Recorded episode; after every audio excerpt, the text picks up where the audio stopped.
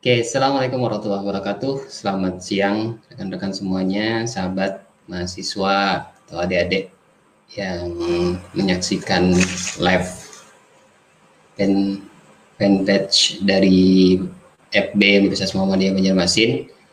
Insya Allah di siang hari ini saya bersama dengan kawan-kawan di stage untuk ngobrol bareng, ngobrol bersama para milenial alhamdulillah pada kesempatan hari ini telah hadir empat orang kawan-kawan kita yang sudah stay di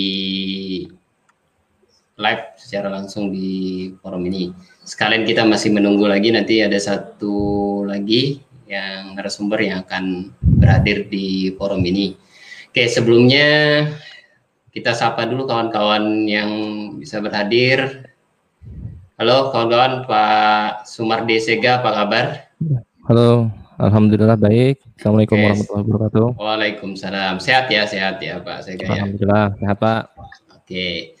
Mas Farid, apa kabar Mas Farid? Ya, siap. Alhamdulillah, masih puasa. Alhamdulillah, Alamin. Sibuk apa sekarang Mas? Sibuk apa sekarang? Um, uh, ngurus anak. Oke, okay. karena kebetulan masih baru ya, anak-anak baru ya, anak baru istri baru. Oke, okay. berikutnya ada Mas Ihsan, nah, Muhammad Ihsan Firdaus. Oke, okay, di... Halo. Halo, apa ya. kabar, Mas Ihsan? Alhamdulillah luar biasa, Pak. Oke, okay. Ya. di mana sekarang nih posisinya? Posisi Biar audien tahu. Ya posisi lagi di kampung halaman, Pak. Ya, kampung di Barabai, Pak. Oke, berapa ya? Oke, Mbak Sasa, Mbak Sasa, gimana kabar Mbak Sasa? Halo, Assalamualaikum. Alhamdulillah baik Pak. Oh baik, Alhamdulillah. Oke, baik. Uh, sebelumnya saya akan sedikit perkenalan dulu kepada para narasumber yang hari ini bisa bersamai kawan-kawan di Facebook secara live hari ini.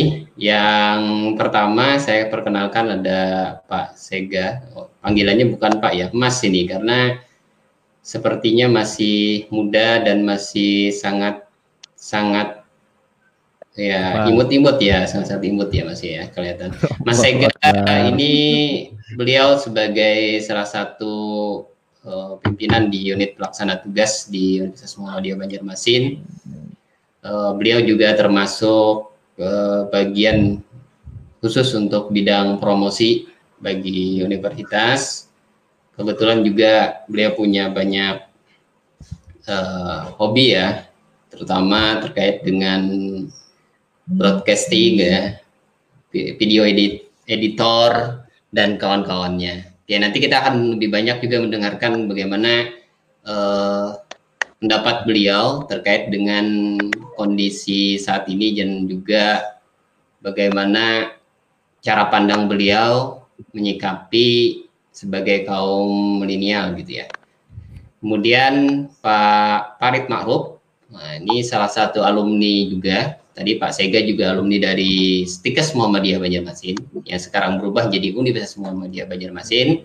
Berikutnya Pak Farid, ya beliau ini seorang kolumnis ya, ya senang senang nulis, hobi nulis di beberapa uh, tulisan beliau yang cukup ya cukup menarik lah yang kalau kita baca. Nanti mungkin beliau juga sedikit cerita lah tentang apa saja sih yang sering dituliskan beliau. Dia juga ketika dulu menjadi mahasiswa uh, sebagai cukup berprestasi, sering mengikuti debat bahasa Inggris dan sampai saat ini juga beliau masih mendampingi adik-adik di UKM bahasa Inggris atau debat bahasa Inggris untuk mensupport mereka, mendukung mereka dan memberikan tips-tips bagaimana supaya menjadi pemenang di beberapa event-event lomba debat bahasa Inggris. Oke, berikutnya ada Mas Ihsan, Ihsan Berdaus, seorang mahasiswa hmm, angkatan pertama S1 Farmasi Universitas Muhammadiyah Banjarmasin yang sekarang mungkin sudah persiapan tugas akhir, skripsi dan sebentar lagi mau lulus gitu ya. Kita mungkin teman-teman di sini kawan-kawan mahasiswa atau yang menyaksikan live ini juga sangat mengenal beliau ya. Dia juga termasuk salah satu penggiat game online dan juga seorang atlet, atlet di Binaraga. Uh, jadi kawan-kawan komunitas Binaraga mungkin sangat mengenal beliau ya. Jadi nanti kita akan coba sharing bersama dengan Mas Ihsan terkait bagaimana pendapat beliau ataupun beliau juga ngasihkan saran atau tips-tips lah bagi adik-adik mahasiswa yang ingin uh, tetap kuliah dan tetap berprestasi gitu ya. Nanti beliau akan berikan. Tadi ada Mbak Sasa, kemudian nih Mbak Sasa mungkin karena jaringan kita akan skip dulu. Kita lanjut. Nah, yang baru datang ini. Mas Budi, ya Budi Sanjaya. Uh, kalau Mas Budi ini salah satu tim humas, uh, leadernya di humas Universitas Muhammadiyah Banjarmasin. Beliau juga salah satu owner dari Bujaka Store gitu ya. Mungkin kawan-kawan yang sering uh, lihat akun YouTube-nya Bujaka Channel, nah, ini beliau nih ownernya. Jadi kalau mau ngerti tentang bagaimana laptop yang baik, handphone yang baik, ya bisa nanti kontak dengan beliau. Oke, kawan-kawan silakan ya. Uh, sebelumnya ini Mas Ilham, selamat siang Mas Ilham. Jadi silakan nanti teman-teman yang sedang live untuk kasih komen kalau ada mungkin suara yang kurang jelas atau ada pertanyaan silakan dikasih komen di uh, di akun FB. Jadi nanti ini juga menjadi tempat untuk teman-teman bisa bertanya langsung dengan kawan-kawan kita yang hadir di sini. Oke, kita langsung saja untuk mendengarkan uh, bagaimana uh, obrolan dari teman-teman di sini, kawan-kawan kaum milenial, bagaimana pendapat-pendapatnya mereka tentang uh, kondisi saat ini dan bagaimana cara pandang mereka tentang generasi, uh, perubahan era industri 4.0 yang pasti kita harus memahami dengan kondisi saat ini pasti banyak perubahan.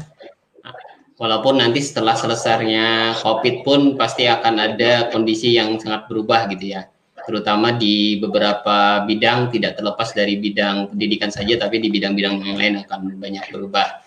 Jadi kita coba nanti minta uh, sharing dari kawan-kawan di sini.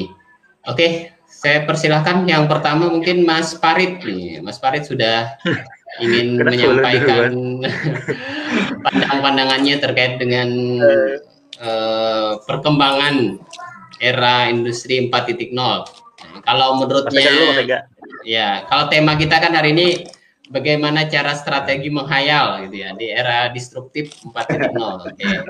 Okay. Silakan Mas Farid. Waktu disilakan dipersilahkan. Monggo. Apa nih Pak Hendra? Pak Hendra? Oke, siap siap siap. Oke. Ada pertanyaan dulu oh, atau ya, gimana? Oke, siap siap. Sementara Pak Farid silakan berikan pandangan pada kita dulu. Kira-kira uh, dengan kondisi saat ini, kemudian bagaimana sikap kita sebagai kaum milenial menanggapi kondisi yang terjadi saat ini? Monggo silakan.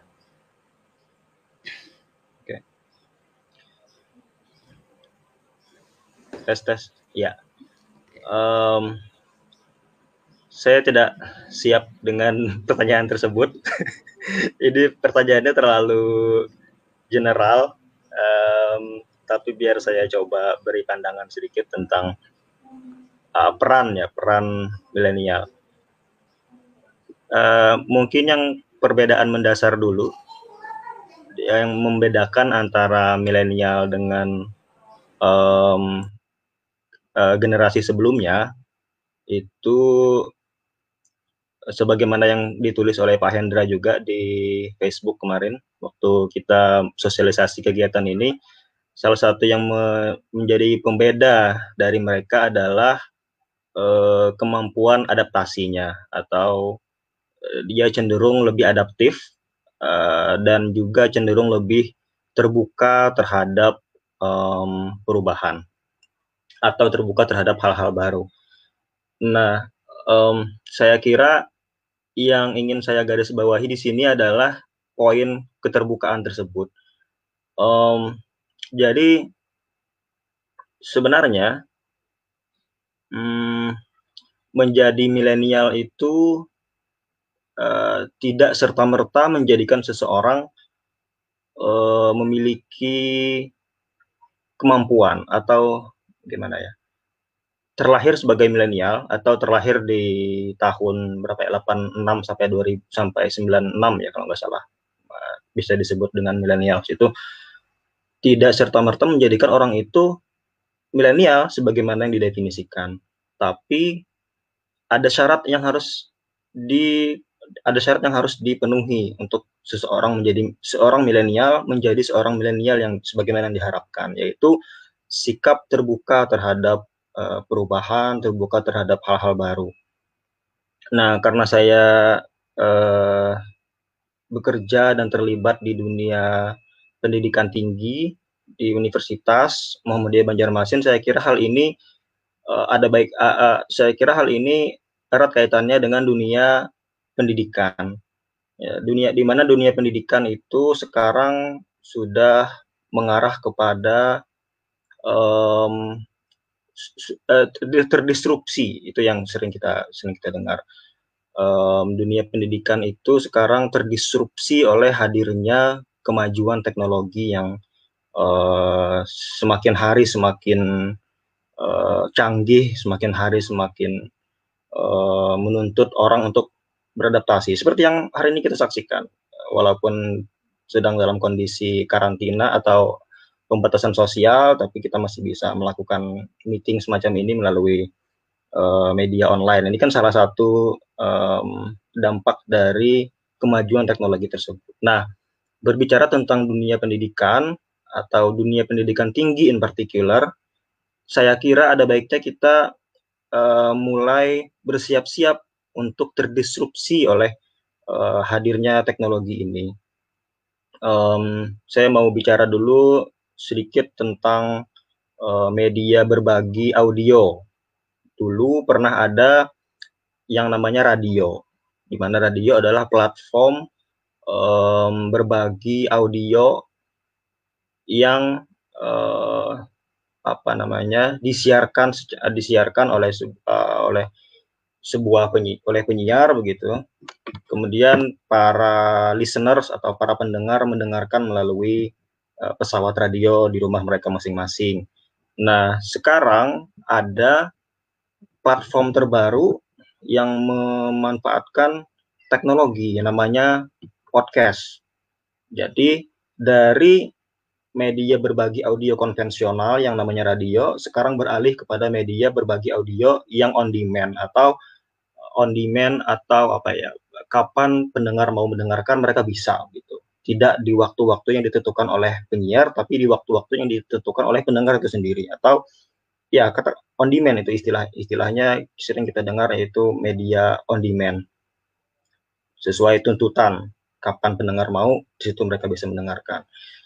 Dari radio ke podcast. Kemudian dulu ada yang namanya media berbagi video namanya televisi. Sekarang media televisi kita tahu juga sudah mulai terdisrupsi oleh media media streaming yang namanya YouTube uh, dan lain sebagainya. Jadi dari media berbagi video konvensional yang namanya televisi sudah berubah menjadi media streaming.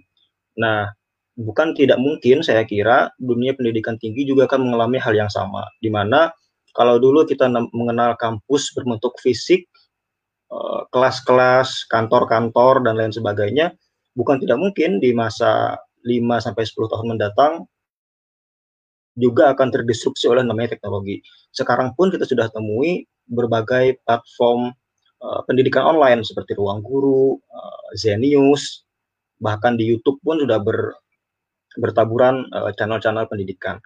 Nah, saya kira ini juga menjadi uh, harus menjadi perhatian di dalam dunia pendidikan tinggi. Gitu mungkin Pak Hendra. Oke, ternyata uh, pertanyaannya sedikit ya, tapi luar biasa ini apa yang disampaikan Mas Farid. Jadi beliau sudah bercerita tentang bagaimana uh, sikap yang seharusnya dimiliki oleh kaum milenial ya. Tadi di awal beliau mengatakan bahwa walaupun terlahir di tahun di mana milenial itu dilahirkan belum tentu kaum milenial orang tersebut bisa menjadi ya, seorang kualitas. ya, kualitas seperti kaum milenial karena dia harus terbuka, fleksibel, punya rasa optimistik yang sangat tinggi terhadap masa depan gitu ya. Kemudian tadi Mas Farid juga banyak bercerita tentang bagaimana perkembangan zaman, perkembangan teknologi yang merubah budaya bagi kaum-kaum saat ini. Bagi kita, kaum yang mungkin sudah di bawah sebelum dari kaum milenial, mungkin akhirnya mau nggak mau harus ikut dengan uh, perkembangan teknologi yang terjadi saat ini. Oke, okay, uh, eh, menurut Mas Farid nih, masih Mas Farid. Kalau tadi oh, bicara masih. tentang peran, masih sebentar lagi nih, kita perlu mendengarkan, mengulik-ngulik gitu ya tentang ya, apa ya. yang tadi sudah dibicarakan gitu ya. Oke, okay.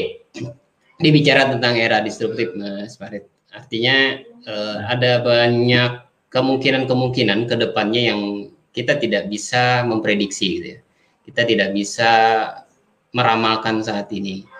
Nah, khususnya tadi bicara tentang dunia pendidikan. Apakah menurut Mas Farid kemungkinan nanti pasca COVID ini terjadi, pasca ini sudah berakhir gitu, sistem pendidikan yang pernah digaungkan oleh Menteri Pendidikan gitu ya, era bagaimana uh, Indonesia belajar gitu ya atau Indonesia Merdeka belajar itu bisa merubah bisa jadi nanti di kelas-kelas atau di ruang-ruangan kelas itu akan banyak sering kosong karena orang sudah ya. mulai merubah konsep kuliah pendidikan. pendidikan itu sudah ke sistem online. Nah ini ini gimana nih Mas Farid nih menurut pandangan Mas Farid itu sendiri? Silahkan Mas Farid.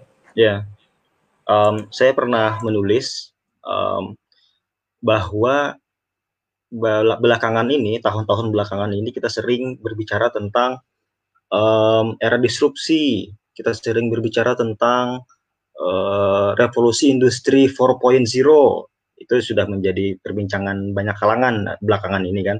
Tapi ternyata yang disruptor yang benar-benar ampuh dan benar-benar menuntut kita untuk beradaptasi adalah virus corona.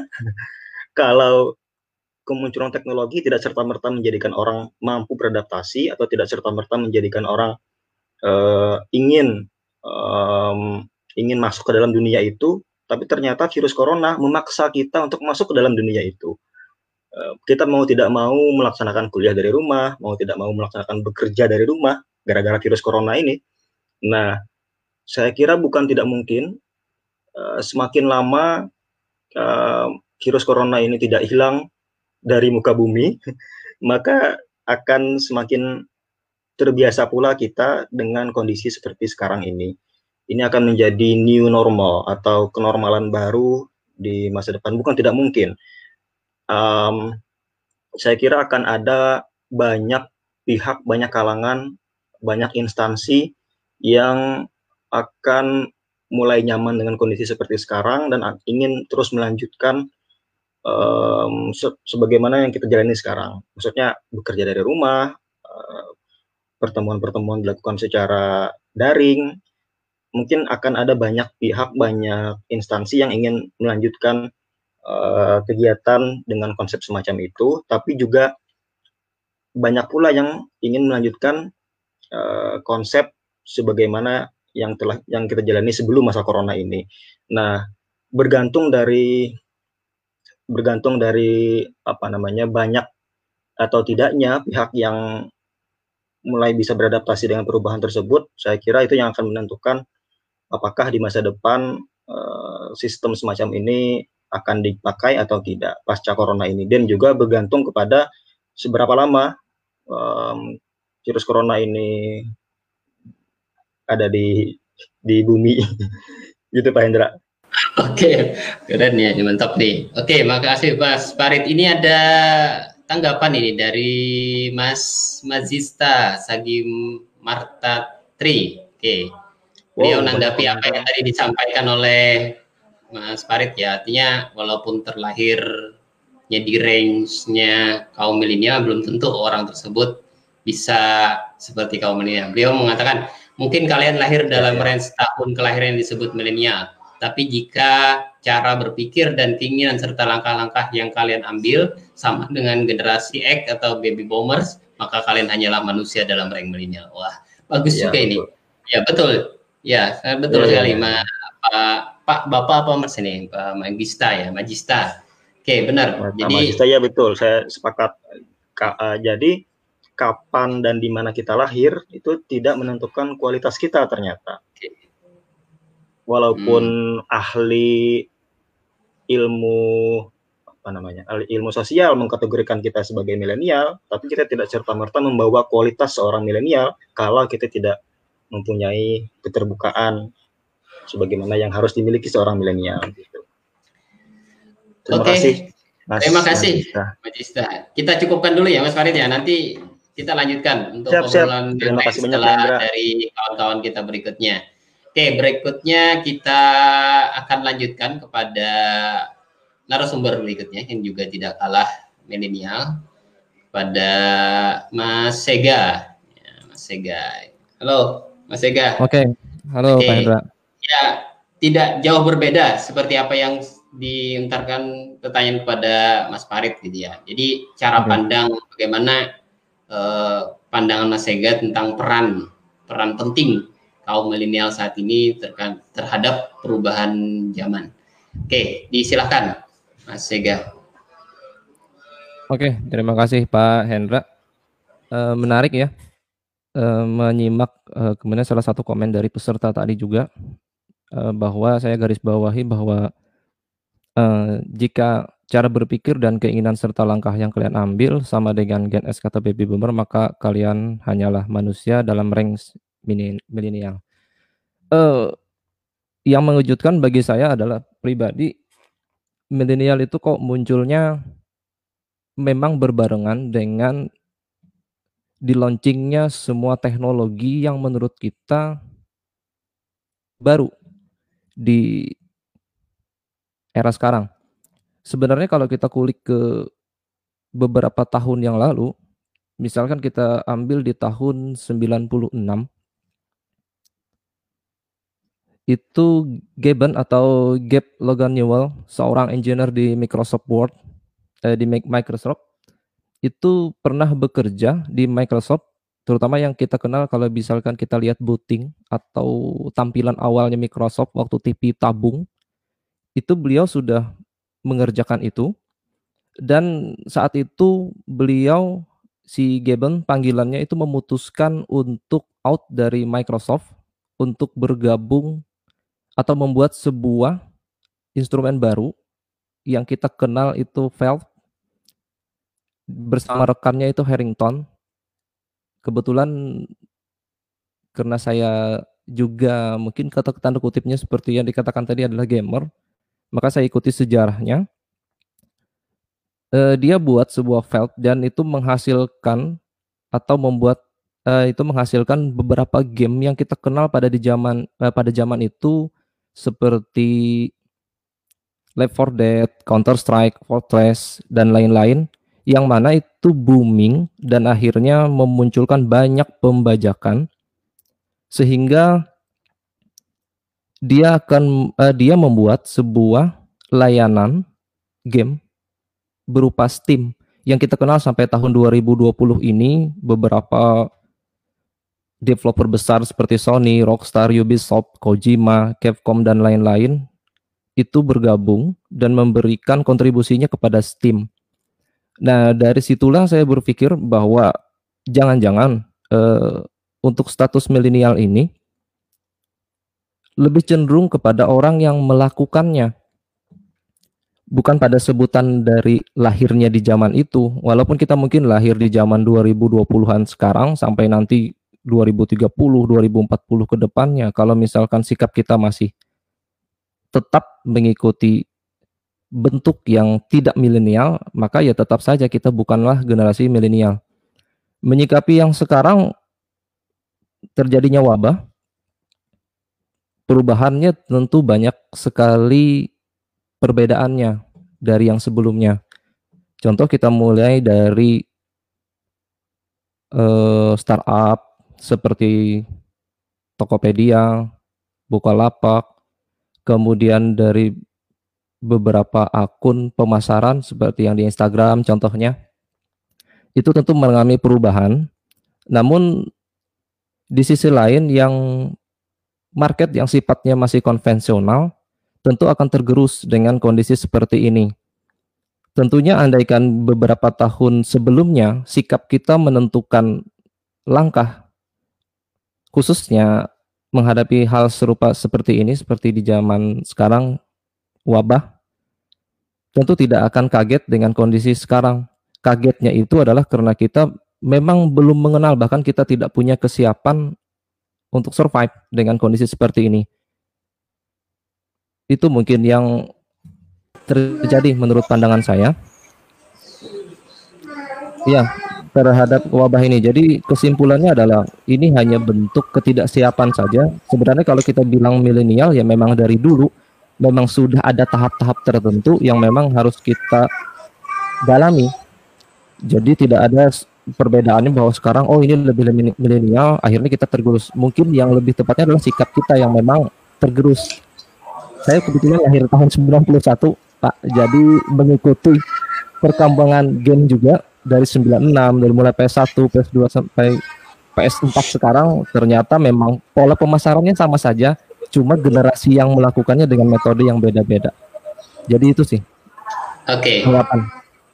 Saya catat ya tadi artinya sikap ya, sikapnya sikap. yang, yang perlu dilihat dari kaum saat ini ya. Uh, kemudian tadi Mas Sega juga bicara tentang bagaimana perkembangan dunia games, kemudian perkembangan dari Microsoft dan sebagainya ya. Oke, okay, uh, eh, dari tadi yang disampaikan Mas Sega, hmm. ini kan sekarang kan dengan kondisi yang saat ini mungkin banyak kaum kaum milenial yang mati gaya gitu ya. Mati gaya itu artinya apa? Jadi kebingungan mau melakukan apa saat terjadi wabah gitu ya. Kebingungan uh. untuk kerja ngapain mau ngapain ya kan akhirnya cuma ngegame satu seharian full gitu. Apalagi bulan Ramadan gitu nggak ada aktivitas yang sekiranya produktif. Nah mungkin Mas Sega punya tips atau saran-saran nih bagi kita kita yang kaum kaum milenial nih biar waktunya itu nggak hanya digunakan untuk ngegame gitu. Ngegame boleh uh -uh. Uh, untuk memaks uh, untuk menyalurkan hobi gitu ya. Tapi kan itu jangan ngegame terus mungkin ada aktivitas lain yang lebih produktif, yang lebih bermanfaat, yang lebih baik karena sejatinya kita pun jangan hanya untuk fokus kepada hal yang tidak ada manfaatnya. Oke, mungkin gimana Mas Ega? Silahkan. Uh, mungkin sikap yang harus dipilih pada saat-saat ini, terutama pada saat wabah ini, memang banyak sekali sisi yang dirugikan. Tapi kalau saya memandangnya adalah dari beberapa ada beberapa sisi yang jadi patokan saya untuk mengatakan atau mengeluarkan sebuah pernyataan. Pertama, kita kenal itu kalau saya pribadi juga saya sebut diri saya adalah generalis. Kemudian ada sebutan lain itu spesialis dan versatilis. Singkatnya adalah generalis itu dia memang menguasai atau memang punya minat untuk mengenal beberapa hal namun tidak mendalami. Kemudian ada spesialis, dia memang expert di bidang itu, namun dia hanya bisa hanya bidang itu saja. Kemudian ada versatilis yang punya kemampuan banyak dan dia memang mendalami sampai ke bagian yang lebih spesifik.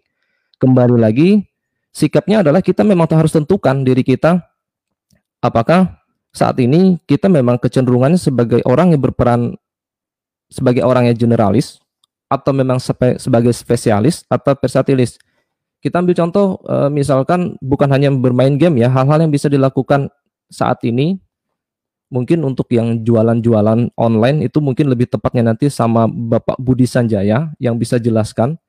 Kalau saya cenderung sebagai pengamatnya saja. Untuk uh, sosial media, ada beberapa kawan-kawan saya yang menyatakan bahwa orderan jadi sepi, tapi ada di sisi lain juga kawan-kawan yang mengatakan bahwa orderan itu jadi lebih tinggi ketika terjadi wabah. Sebenarnya dalam beberapa fakta untuk market atau pasar di sosial media yang bisa kita pilih jika seandainya kita ingin beraktivitas selain aktivitas yang biasa kita lakukan di rumah, kita memang bisa lakukan banyak hal tentu dengan perhitungan-perhitungan yang disesuaikan. Contoh sebagai, contoh ada beberapa uh, akun yang berjualan di sosial media mengalami kerugian dan ketika saya coba tanyakan dan telah ternyata memang metode yang dia lakukan itu tidak se-expertnya beberapa orang yang memang bisa survive di zaman sekarang. Itu membuktikan bahwa memang faktanya ketika sekarang dikatakan bahwa saya tidak bisa berbuat apa-apa, bahkan saya tidak bisa melakukan apa pun dengan terjadinya wabah sekarang, itu menurut saya satu sudut pandang yang memang masih terlalu sempit. Sebenarnya banyak hal yang bisa dilakukan. Contohnya adalah dengan membuka uh, salah satu tadi dengan membuka sebuah digital marketing kita bisa lakukan dengan perhitungan yang lebih detail. Misalkan kita bisa hitung angka CAC. Kayak kenal itu CAC kalau di market uh, digital. Itu customer acquisition cost. Jadi kita bisa perhitungkan dengan con rate-nya, kemudian retention rate-nya, table cohort-nya untuk menentukan uh, pelanggan atau customer kita tuh apa bisa bertahan dalam beberapa bulan. Itu mempunyai analisis tersendiri. Dan perbedaannya adalah ketika orang yang punya kemampuan di bidang itu dan orang yang punya tidak punya kemampuan di bidang itu tentu akan muncul ya kembali seperti pertanyaan Pak Hendra tadi, apa yang bisa dilakukan? Sebenarnya banyak bisa yang banyak yang bisa dilakukan apabila kita memang mempunyai kemampuan yang sifatnya itu general atau bahkan versatilis. Kalau kita hanya memang spesialis, ciri-cirinya memang bisa kita kembangkan. Tapi kalau misalkan pola pikir kita memang hanya tok di situ saja, maka tidak bisa akan berkembang dan kita akan kebingungan pada saat sekarang kita harus lakukan seperti apa. Itu mungkin Pak. Oke. Okay. Jadi hal-hal yang mungkin bisa dipilih itu banyak sekali tergantung dari sebenarnya kita kenal nggak dengan diri kita ini apakah kita masuk ke golongan yang mana tadi generalis, spesialis atau versatilis. Oke. Okay. Gitu. Jadi kalau orang-orang generalis itu artinya dia berpikir lebih luas ya, lebih banyak yang bisa dia lakukan, lebih banyak yang bisa dia kerjakan dibanding dua yeah. kaum tadi. Oke, okay. luar biasa ini. Jadi ada ilmu baru kita. Ada generalis gitu ya, ada spesialis, ada uh, ini mantap ini dari Mas Mas Sega. Oke, baik yeah. uh, teman-teman yang live yang sedang nonton, disilahkan ya kalau ada masukan atau ada saran terkait dengan acara kita pada siang hari ini, disilahkan kasih komen juga silahkan bagi yang ingin bertanya uh, untuk memberikan komentar. Walaupun tadi sempat ada Mas Ilham Mikrima ini, uh, beliau ini organisatoris, bukan okay. generalis tapi organisatoris ini. Beliau menyampaikan ya, gimana kalau kita membahas teori konspirasi Pak, gitu ya. Oke nanti, Insya Allah kita jadwalkan ini. Tapi alhamdulillah di stage ini juga hadir kawan kita yang juga pengamat, pengamat teori konspirasi. Uh, mungkin bumi datar atau apa gitu ya. kaum bumi datar juga ada di sini. Jadi santai aja. Mungkin nanti teman-teman di sini bisa memberikan statementnya gitu ya. Bagaimana pandangan para kaum bumi datar atau kaum planet Mars gitu ya tentang menyikapi kondisi yang saat ini. Oke, terima kasih dulu Mas Sega. Nanti kita akan kembali lagi ke stage yang berikutnya. Uh, baik teman-teman semuanya, selanjutnya tadi sudah dipaparkan oleh dua orang kaum milenial ya dan narasumber kita Mas Farid dan Mas Sega. Selanjutnya kita mungkin balik dulu ke ingin mendengarkan bagaimana tanggapan dari kawan-kawan yang mungkin lebih muda usianya dibanding yang dua dua narasumber kita tadi. Jadi sekarang saatnya mungkin pandangan dari kaum mahasiswa yang juga termasuk masih kelihatan milenial. Mungkin beliau ini sudah masuk kepada generasi yang generasi Z eh, atau generasi Alpha gitu ya. Uh, ini Mas Ihsan Firdaus, Muhammad Ihsan Firdaus. Tadi sudah di awal perkenalkan ya beliau ya seorang mahasiswa yang juga aktif punya hobi yang cukup banyak dan beliau termasuk yang bisa membagi waktu kapan harus kuliah, kapan harus memaksimalkan hobi, kapan untuk berbuat lebih banyak lagi kepada masyarakat. Oke, Mas Ihsan, ini Iya, Pak. Ya, kabarnya sehat ya ya. Lagi Alhamdulillah luar biasa. Uh, Oke, kesibukannya Mas Ihsan tadi belum sempat saya tanyakan lebih banyak nih. Oh. Kesibukannya ketika di kampung, ketika di balik kampung kan biasanya kalau di kota Banjarmasin mungkin banyak yang bisa dikerjakan. Namun ketika Ya. di di, di kampung halaman ada Ya. beberapa keterbatasan-keterbatasan yang mungkin nggak bisa dikerjakan di sana.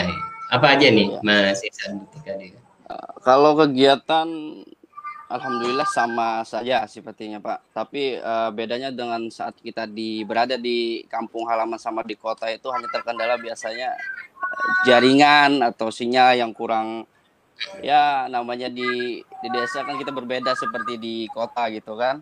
Jadi Hmm. kadang jaringannya bisa hilang, bisa masuk seperti itu. Tapi kalau kegiatannya insya Allah alhamdulillah sama aja sih, Pak. Apalagi uh, dan juga perbedaannya paling ya perbedaannya karena saat ini saat adanya pandemi jadi kita kerja di rumah belajar dari rumah. Seperti saya contohnya uh, mahasiswa yang masih aktif gitu kan jadi tetap mengikuti kuliah secara daring.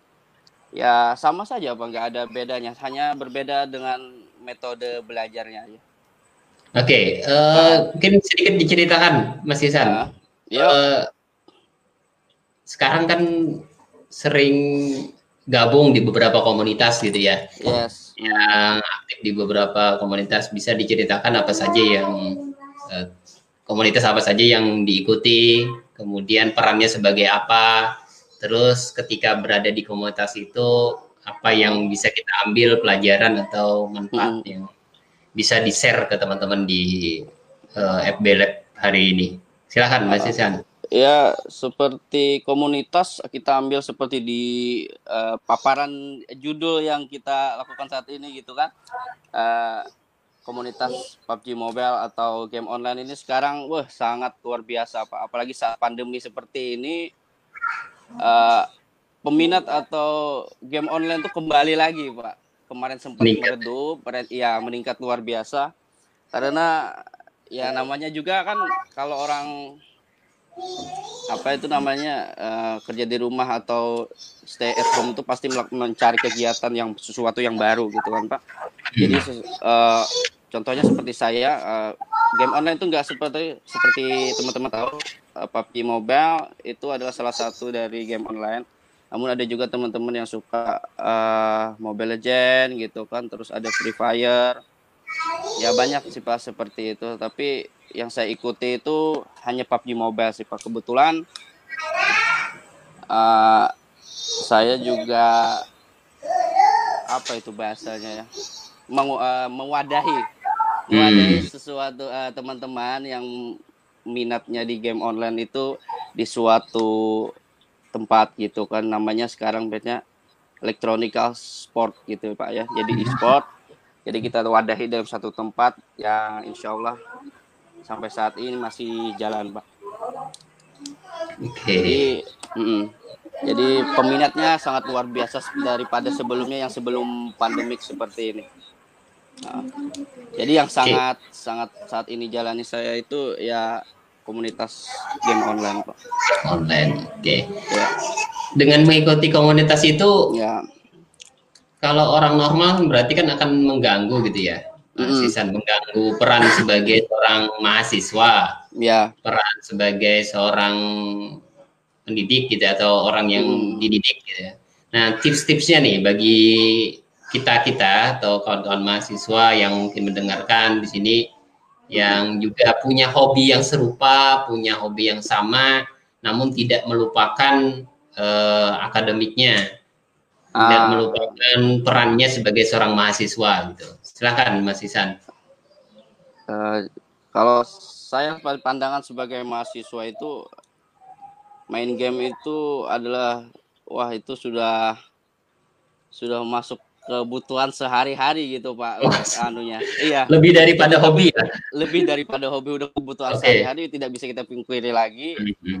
jadi tinggal kita untuk memanajemen waktunya bagaimana eh, semestinya gitu kan kita menyikapinya jangan sampai eh, kebutuhan atau kewajiban yang lainnya kita tinggalkan Kemudian uh, nah saya ingat uh, contohnya kemarin itu uh, di salah di aplik eh, aplikasi dari game online tersebut untuk menurunkan angka kecenderungan cenderungan gitu ya kecenderungan karena kan kita tahu game online tidak hanya berdampak positif namun juga berdampak negatif terhadap uh, beberapa orang gitu ya. Nah, jadi kemarin itu sempat ada di uh, kayak satu tuh fitur fitur di game online di PUBG Mobile. Sedangkan saya main PUBG Mobile gitu kan, Pak. Nah, jadi di PUBG Mobile itu sempat ada fitur uh, 18 years under old di bawah di bawah 18 tahun itu dibatasi, Pak. Jadi di hmm. bawah umur 18 tahun itu dibatasi hanya bisa memainkan uh, wajib, uh, apa namanya itu sehari dalam waktu 4 jam. Nah, itu kemarin wah itu sangat efektif untuk menekan angka bermainnya pada anak-anak zaman hmm. sekarang gitu, Pak. Jadi sempat juga jadi polemik gitu kan di Indonesia uh, game online haram sesuatu. jadi ada positif negatifnya. Seperti seperti kayak gimana ya ada anunya bapak seimbang lah. Jadi kalau yang positifnya kita tahu sendiri seperti kayak Justin uh, mungkin Pak siapa Pak Budi mungkin lebih tahu tentang youtuber-youtuber gamers yang udah menjadi uh, miliarder gitu ya.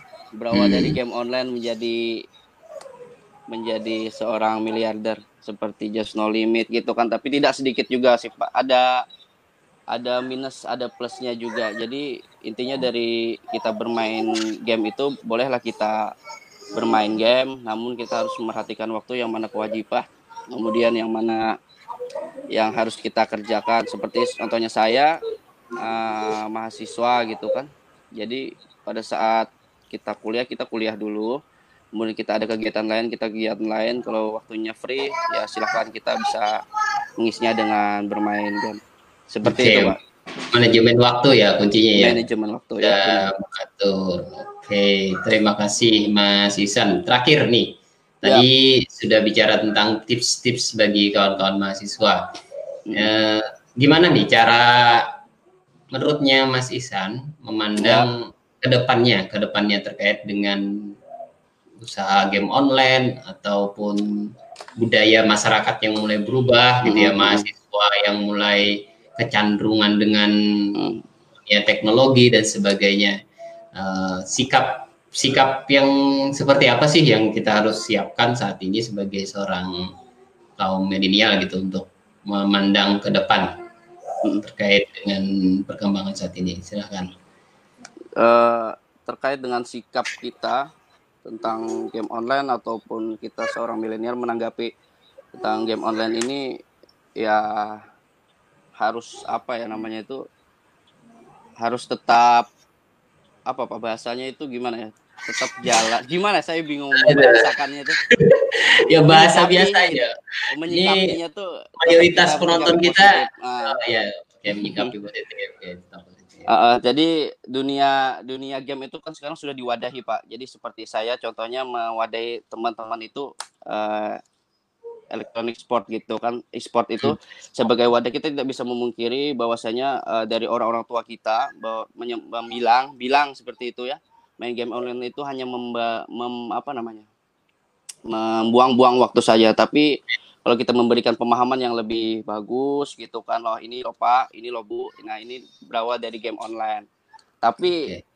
biasanya biasanya itu bertolak belakang pak dalam artian bertolak belakang uh, kewajibannya ditinggalkan malah game onlinenya yang di nomor satu kan hmm. gitu kan hmm. jadi harusnya uh, semuanya sama seriring berjalannya waktu lah tapi itu kembali pada diri masing-masing juga sih pak untuk menyikapinya tapi kalau saya menyikapinya itu ya itu tadi kepada beli apa kembali pada diri sendiri bagaimana caranya untuk memanajemen waktu manajemen yeah. waktu intinya manajemen waktu untuk bisa bermain game online itu kan sekarang juga udah difasilitasi juga oleh presiden uh, hmm. seperti kayak uh, turnamen luar biasa turnamennya sudah ada hadiahnya piala presiden namanya yaitu Mobile Legend wah sudah sangat diakui lah jadi sekarang bukan menjadi sesuatu yang ne yang cenderung negatif lagi kalau game online menurut saya Pak begitu. Hmm. Oke, okay, terima kasih Terus, Mas Isan keren ini. Luar biasa hmm. dari apa yang disampaikan dari Mas Isan. Nanti kita akan lanjut dialog lagi, diskusi lagi hmm. setelah kita dengarkan untuk teman-teman narasumber yang lain.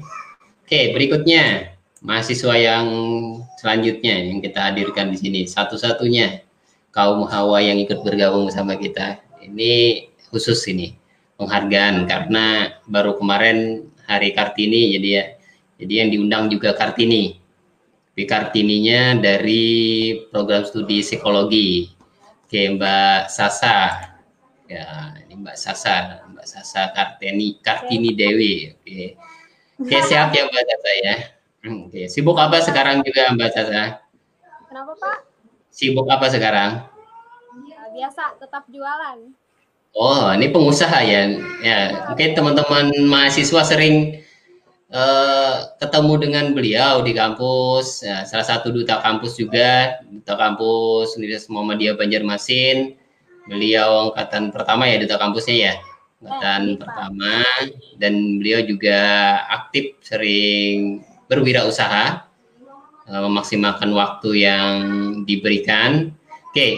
uh, sama seperti yang tadi Mas Isan saya tanyakan Mbak Sasa.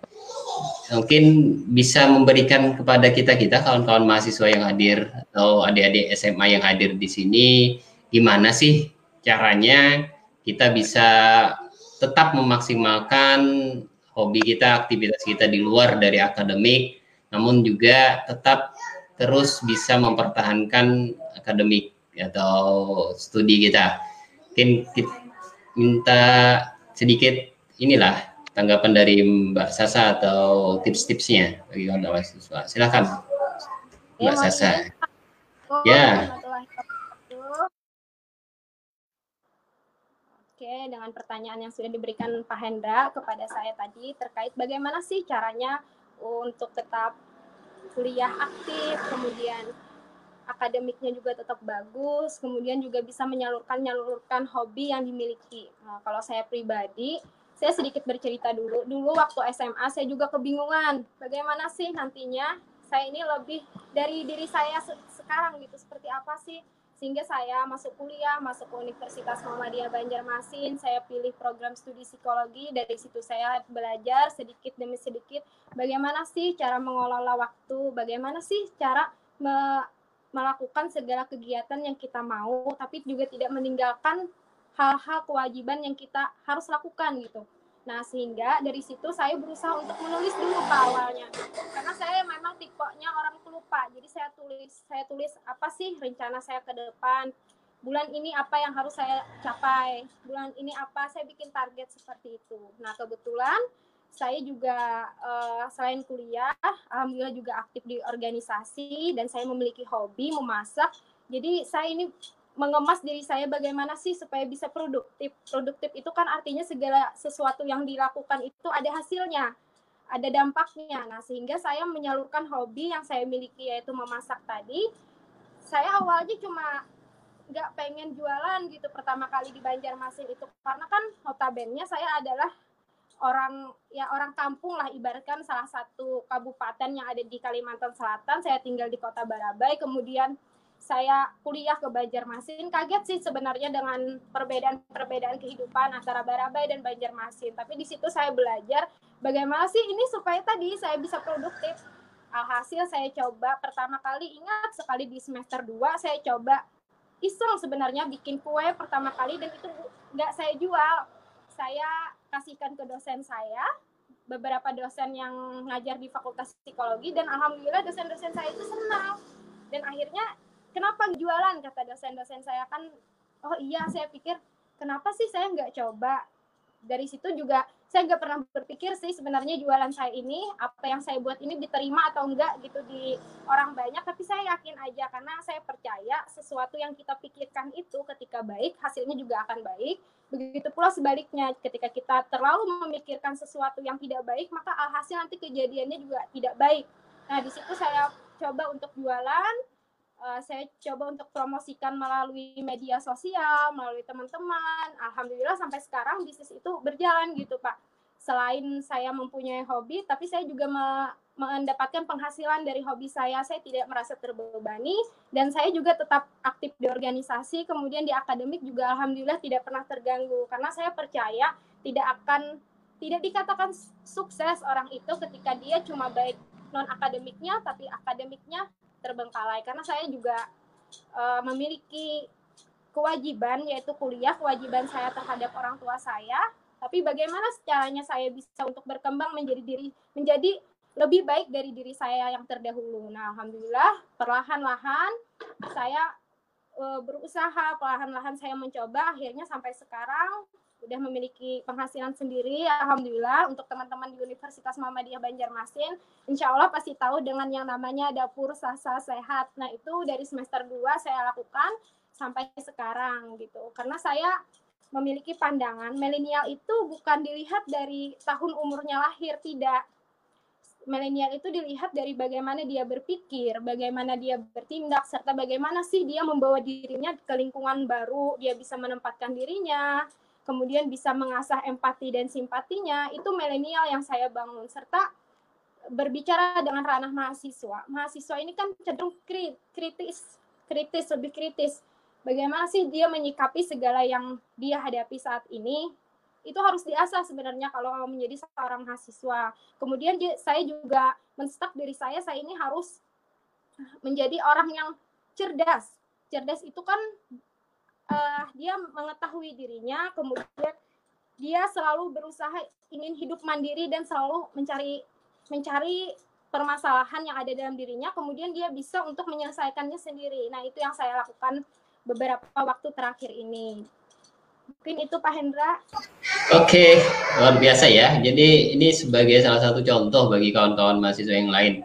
Artinya eh, hobi pun bisa menghasilkan hobi pun bisa bermanfaat bagi kita.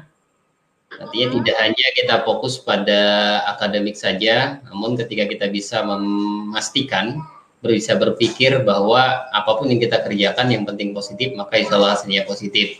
Di eh, apa yang tadi bisa disampaikan beliau, kita harus bisa berpikir, kemudian bertindak, dan bisa menempatkan diri kita di mana pun kita saat itu berada gitu ya. Oke, uh, tadi sempat tersinggung nih Mbak Sasa, caranya tentang ada apa tadi namanya Sasa sehat gitu ya. Dapur, Dapur Sasa, Sasa sehat. Oh, ini sekalian promosi bagi kawan-kawan mungkin mahasiswa yang masih baru, yang masih belum kenal gitu ya, belum tahu. Ya, kalau ada lihat tulisan di dalam box atau di mana gitu ya, ada Dapur Sasa sehat. Jadi ini dari Mbak Sasa. Oke, uh, sama seperti yang tadi saya tanyakan kepada Mas Isan gitu ya. Kalau Mbak Sasa sendiri ke depannya nih memandang dengan kondisi saat ini uh, terjadi seperti ini ada perubahan-perubahan yang terus sangat cepat sekali. Artinya bagaimana sikap utama kita sebagai seorang kaum milenial untuk menghadapi perkembangan-perkembangan budaya, bangsa ataupun lingkungan kita saat ini. Oke, silakan Mbak Sasa terutama untuk milenial khususnya untuk kita sebagai mahasiswa yang masih tercatat aktif itu pertama tadi ya harus cerdas pak.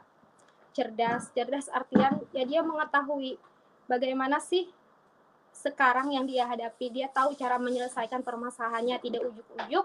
Dia itu bisa di uh, ibaratkan itu bisa tertipu dengan apa yang ada di masyarakat sekarang. Akan tetapi dia bisa menganalisa apa sih yang terjadi saat ini apa dampak positifnya serta apa dampak negatifnya dan juga cara uh, ke depannya ya kita tingkatkan rasa ingin tahu kita. Berusaha untuk mencari-cari tahu. Karena sesungguhnya itu bukan tidak bisa. Semua orang itu bisa asal ada niat. Bukan tidak bisa tapi belum terbiasa gitu pak Oke, terima kasih. Nanti kita lanjutkan lagi ya Mbak Sasa ya. Uh, kita masuk dulu ke narasumber yang berikutnya. Baik teman-teman semua ya, di sini sudah banyak sekali komen dari kawan-kawan kita yang menyaksikan live FB pada siang hari ini. Uh, yang pertama ini dari Mas Dandi Helnasha mengusulkan Assalamualaikum Pak. Kalau kampus UMB membuat sebuah komunitas e-sport seperti kampus-kampus lain, bagaimana menurut Bapak? Kok saya yang ya? Oke, saya sepakat ya, setuju gitu ya. Artinya apabila itu masih tetap bermanfaat dan bisa dikoordinasikan dengan baik dan hasilnya positif, ya nggak masalah. Tergantung nanti kita perlu siapkan infrastruktur, siapkan banyak hal terkait dengan persiapan tersebut. Oke, ini nanti mudah-mudahan pada kesempatan hari ini juga para pimpinan juga sedang menyaksikan live kita. Jadi masukan dari kawan-kawan mahasiswa, kawan-kawan yang gabung di live ini bisa langsung dibaca oleh beliau-beliau. Oke, kemudian ada Mas Rama JRS nih. Kaum milenial dari kalangan mahasiswa pada saat pandemi ini sebagian sudah merasa jenuh Oke, terutama dengan metode belajar atau kuliah yang dihadapi. Nah, ini termasuk mahasiswa yang merasa jenuh gitu ya. Pandemi ini memaksa kita semua harus mampu beradaptasi. Berbicara dengan strategi bagaimana mengisi waktu di saat seperti ini dan ternyata hal yang paling fundamental di saat ini adalah pola pikir. Nah, tadi seperti apa yang disampaikan oleh narasumber kita tadi, Mas Isan, Mbak Sasa, kemudian Mas Farid dan Mas Sega Ya, pada intinya adalah bagaimana cara kita aja memandang, cara kita untuk bersikap. Kalau kita sikapnya baik, positif, insya Allah hasilnya pun baik dan beban untuk kecenderungan kita untuk stres itu akan terhilangkan dengan sendirinya gitu ya. Pola pikir akan membentuk karakter dan kebiasaan. Benar, beberapa pola pikir dari para milenial sepertinya positif, optimis, visioner dan sebagainya dari pola pikir tersebut. Oh, iya, betul sekali, Mas Rama. Ini Rama JRS nih. Mungkin yang lain pada kenal dengan beliau.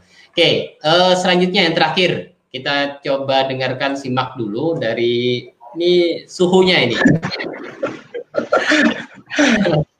Sebagian besar mahasiswa Banjarmasin mengenal beliau. Jadi mulai dari mahasiswa senior sampai junior pernah ketemu, pernah diskusi atau pernah melihat beliau? Karena uh, yang satu ini tadi belum sempat saya kenalkan ya. Ini Mas Muhammad Budi Sanjaya yang di awal tadi belum sempat hadir dan alhamdulillah hari ini siang ini sudah hadir bersama kita di tengah-tengah kita saat ini. Beliau salah satu humas di Universitas Muhammadiyah Banjarmasin, bahkan beliau yang uh, dedengkotnya ini, dedengkot dari humas jadi untuk publikasi dan tidak akan terpublish tanpa ada tanda tangan persetujuan dari beliau. Dan bahkan juga sebagian besar ada media-media informasi terkait dengan promosi universitas itu di beliau. Oke, saat ini Mas Budi Sanjaya juga aktif selain bekerja, beliau juga menyempatkan waktu untuk memaksimalkan usahanya memaksimalkan hobi. Nah, kalau beliau sering menyampaikan ini bukan usaha sebenarnya, tapi hobi. Hobi yang senantiasa ketika dikerjakan akan sangat senang, sangat nyaman gitu ya, sangat enjoy sekali. Yaitu Bojaka Store. Jadi bagi kawan-kawan mungkin ingin memperkenalkan di Bojaka Store, insya Allah harga dan ininya bersaing dan rekomendasi, rekomendasi dari saya. Jadi silahkan uh, hubungi beliau sangat mudah untuk dihubungi. Oke, Mas Budi, apa kabar nih? Sehat, uh, baik, Pak Hendra. Sehat-sehat. Bisa bergabung ya. Ya. Terima kasih. Terima kasih. Ya. Rogi, Rogi, kayaknya masuk room jebakan. Obrolannya terlalu berat sepertinya.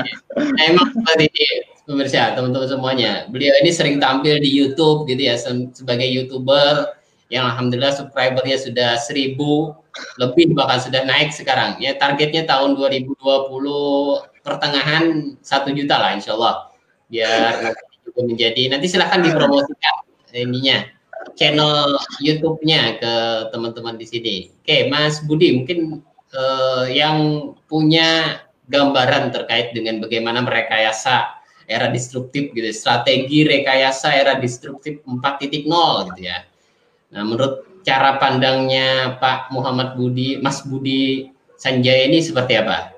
Ya, silakan, Mas Budi. Uh, terima kasih. Uh, pertanyaannya mungkin buat saya lumayan sangat berat ya. uh, buat uh, karena saya juga bukan praktisi, bukan juga seorang uh, pembaca teoritis seperti teman-teman yang lain.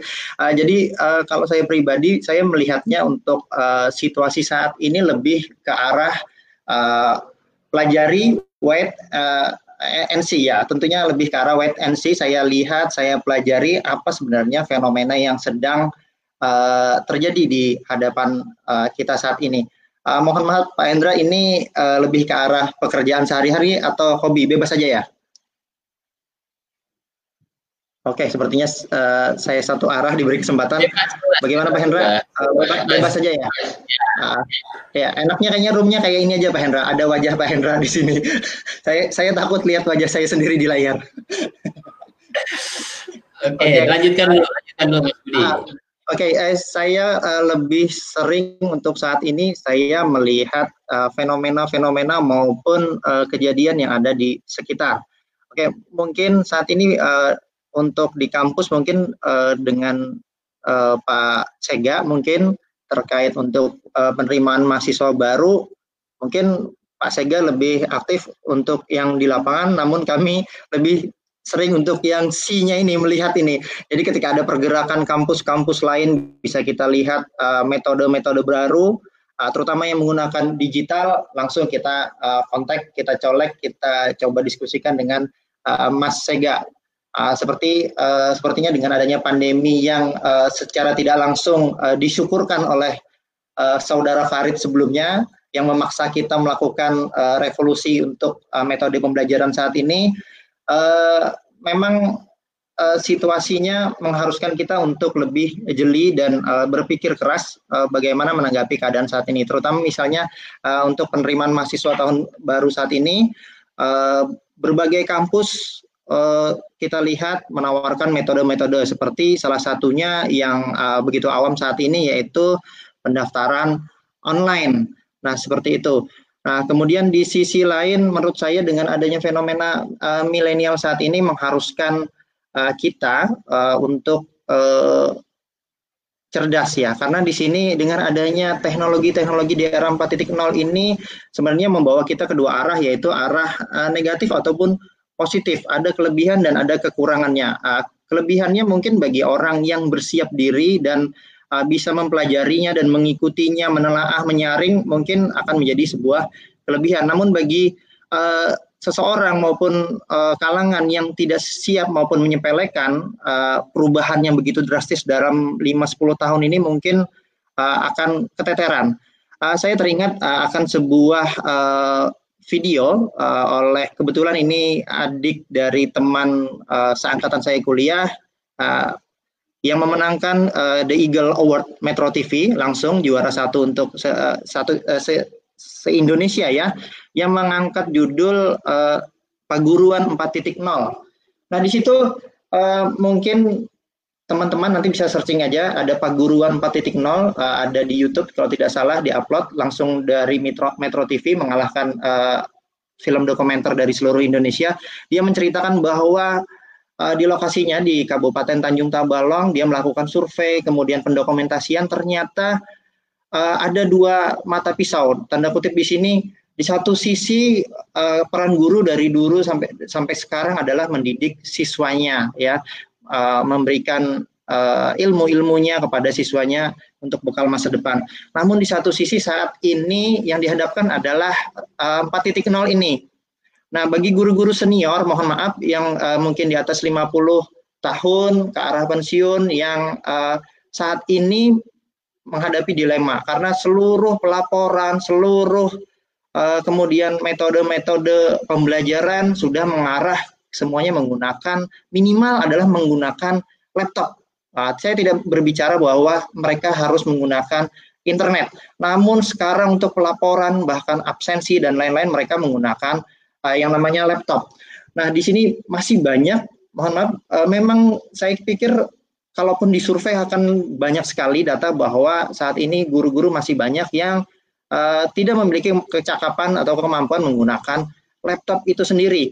Nah, di sini mungkin uh, fokus saya adalah bahwa uh, peran yang dikatakan mungkin tanda kutip anak-anak milenial, anak-anak 4.0 saat ini bukan hanya sebagai penikmat saja, bukan hanya sebagai penikmat teknologi maupun fasilitas yang disediakan oleh zaman now ini, namun juga sebagai pengedukasi. Nah, mungkin ini saatnya teman-teman mungkin uh, kita-kita yang sedikit mungkin lebih paham uh, bagaimana untuk bukan hanya memikirkan apa yang sedang kita kerjakan ataupun di mana posisi kita saat ini, tapi juga bisa mengedukasi, uh, mengajak, ayo kita semua melek dengan uh, perubahan saat ini. Tidak jauh-jauh mungkin dari orang tua uh, kita pribadi yang ada di rumah yang dulu hanya megang uh, handphone dengan poliponik ataupun simbian saat ini dipaksa supaya tidak kangen harus bisa uh, menggunakan WhatsApp. Nah, mungkin itu perubahan-perubahan yang memang harus dipaksa, terutama dengan dunia pendidikan seperti Mas Farid katakan tadi dengan adanya pandemi ini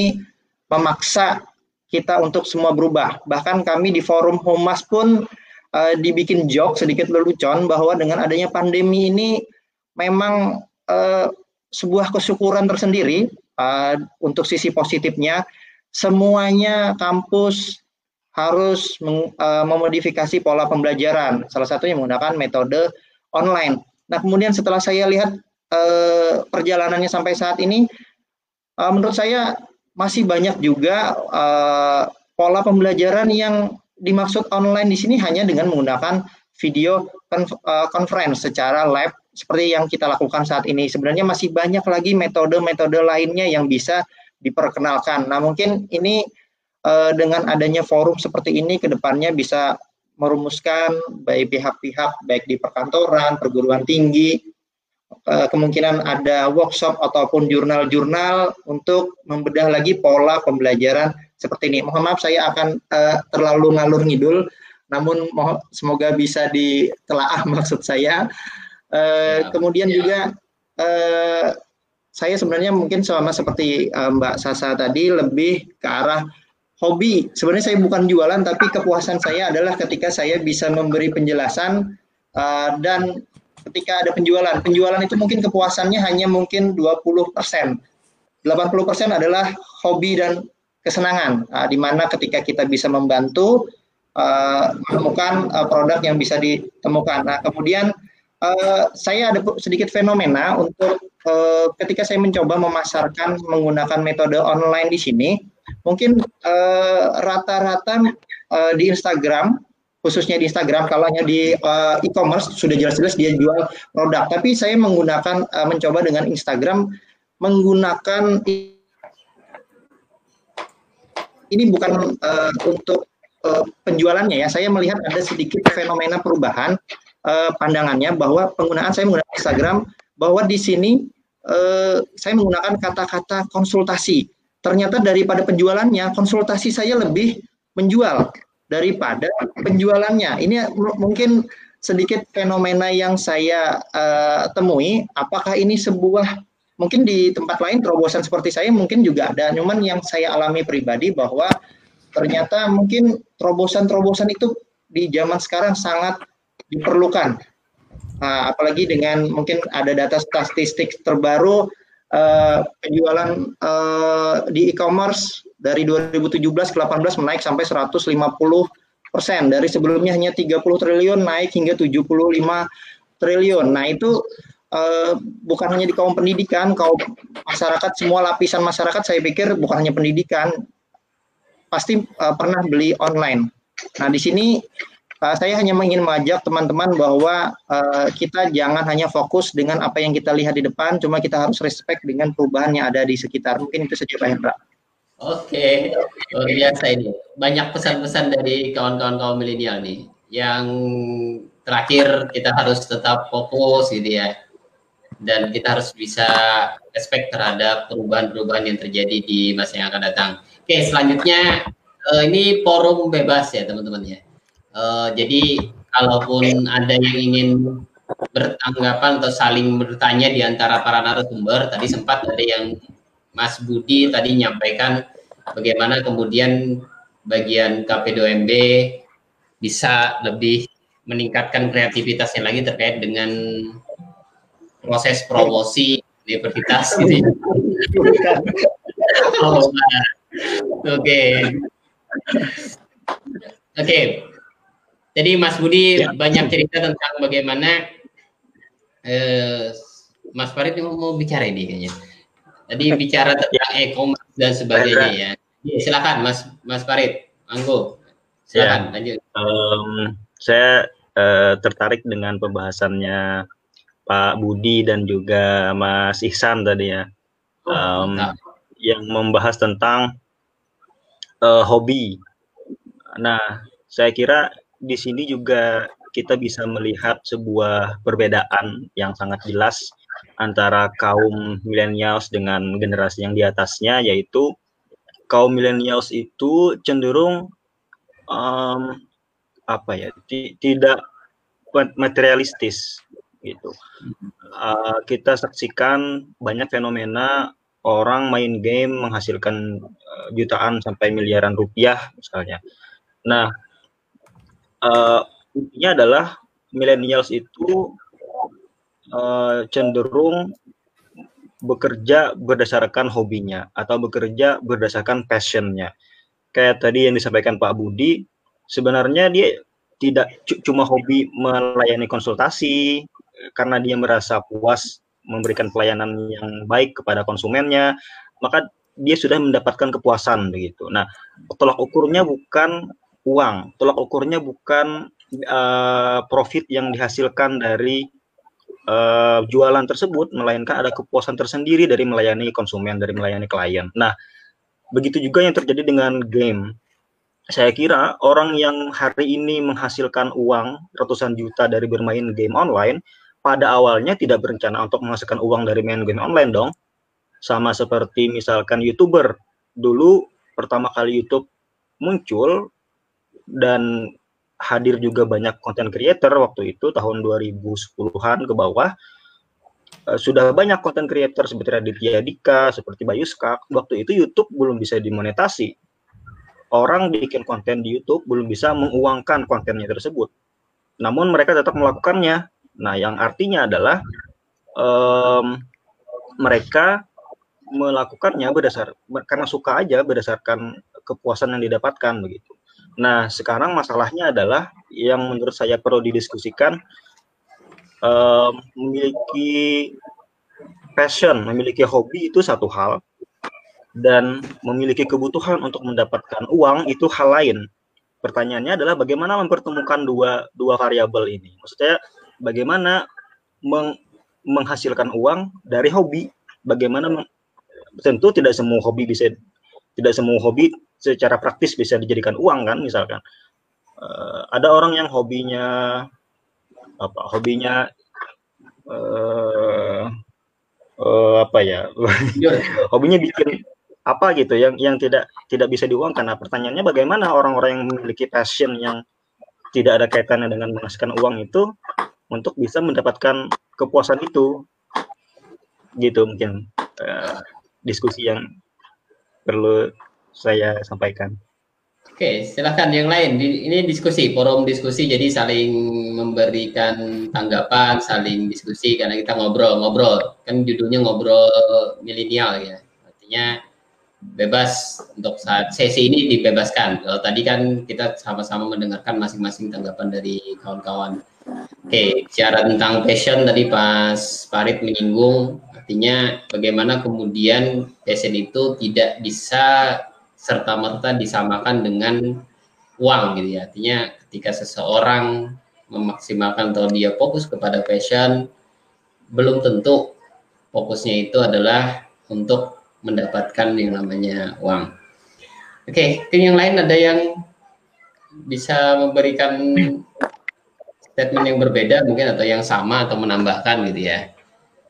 Oh gini misalnya, antara Sasa dengan Ihsan misalnya. Sasa kan hobinya jualan. Jualannya tentu menghasilkan uang. Nah, sedangkan Ihsan hobinya main game. Apakah dengan main game serta merta bisa mendapatkan uang? Begitu maksud saya. Oke. Okay. Oh, ini langsung nih. Jadi kita harus bisa membuktikan apa benar ini. uh, Mas Ihsan, kalau Sasa tadi sudah jelas ya, artinya selain hanya hobi tapi juga mendapatkan gitu ya, mendapatkan uang. Mas Ihsan ya gimana Mas Ihsan? Uh, jadi uh, perlu saya koreksi dulu. Saya hanya hobi juga main PUBG gitu kan, tapi tidak uh, apa namanya itu tidak menjadikan serta merta uh, game online menjadi menghasilkan uang gitu kan. Tapi saya uh, bikin suatu tempat yaitu e-sport tadi, bagaimana caranya bisa mendatangkan pundi-pundi uh, walaupun sampai saat ini masih ya masih lebih banyak keluarnya daripada masuknya gitu kan. Tapi kita cari metode metode metode yang bisa uh, kita salah satunya membantu untuk teman-teman yang game online uh, mewadahi teman untuk game online. Kemudian kita bantu uh, kita contohkan aja seperti halnya kita sekarang kan banyak turnamen gitu kan kita wadahi di satu tempat. Seperti di e-sport saya itu biasanya saya daftarkan dulu. Nanti kalau sudah uh, dia ikut turnamen seperti itu uangnya akan saya kembalikan semuanya dalam artian uh, dia uh, dia mendaftarkan diri atau kita seleksi masuk ke tahap uh, e-sport kita, tim kita, divisi kita. Contohnya uh, karena kan game online berbeda-beda seperti itu kan Pak ya. Jadi ada divisi PUBG Mobile, ada divisi Mobile Legend, ada Dota. Nah, contohnya seperti kita anggap saja Mobile Legend.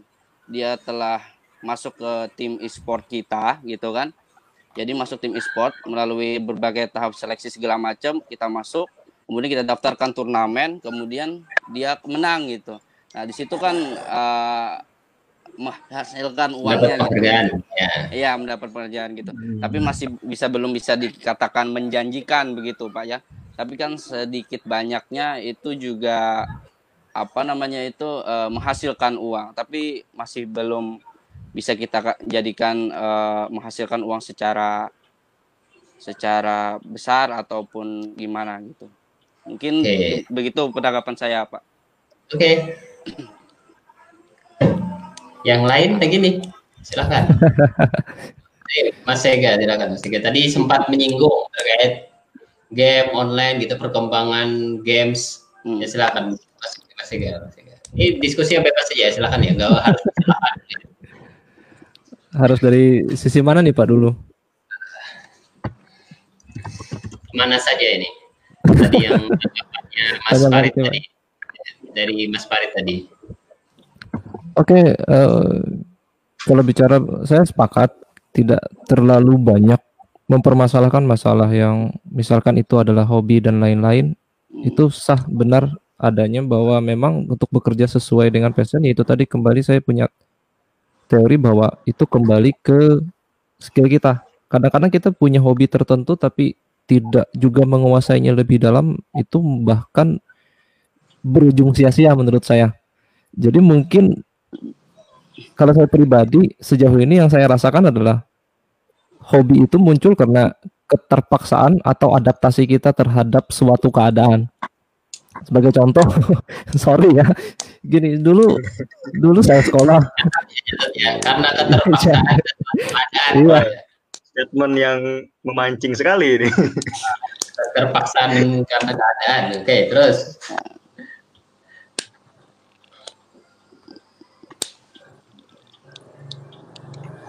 suaranya hilang. Ya, mikrofonnya mati, guys. Mati mikrofonnya, guys. Oke, Mas Sega, Mas Sega. Uh, mohon dinyalakan, dinyalakan ini. Dinyalakan dulu soundnya. Mic, mic, mic, mic, mic masih okay, mute. Cek, ah, satu.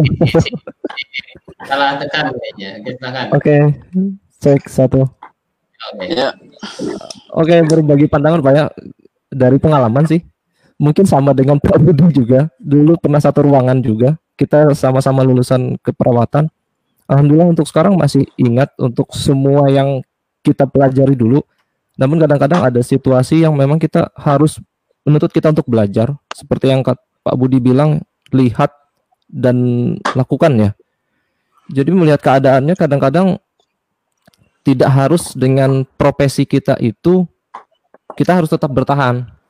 Kita memang benar mungkin dulu memilih oh saya hobi sekali nih untuk uh, keperawatan. Itu bisa dilanjutkan.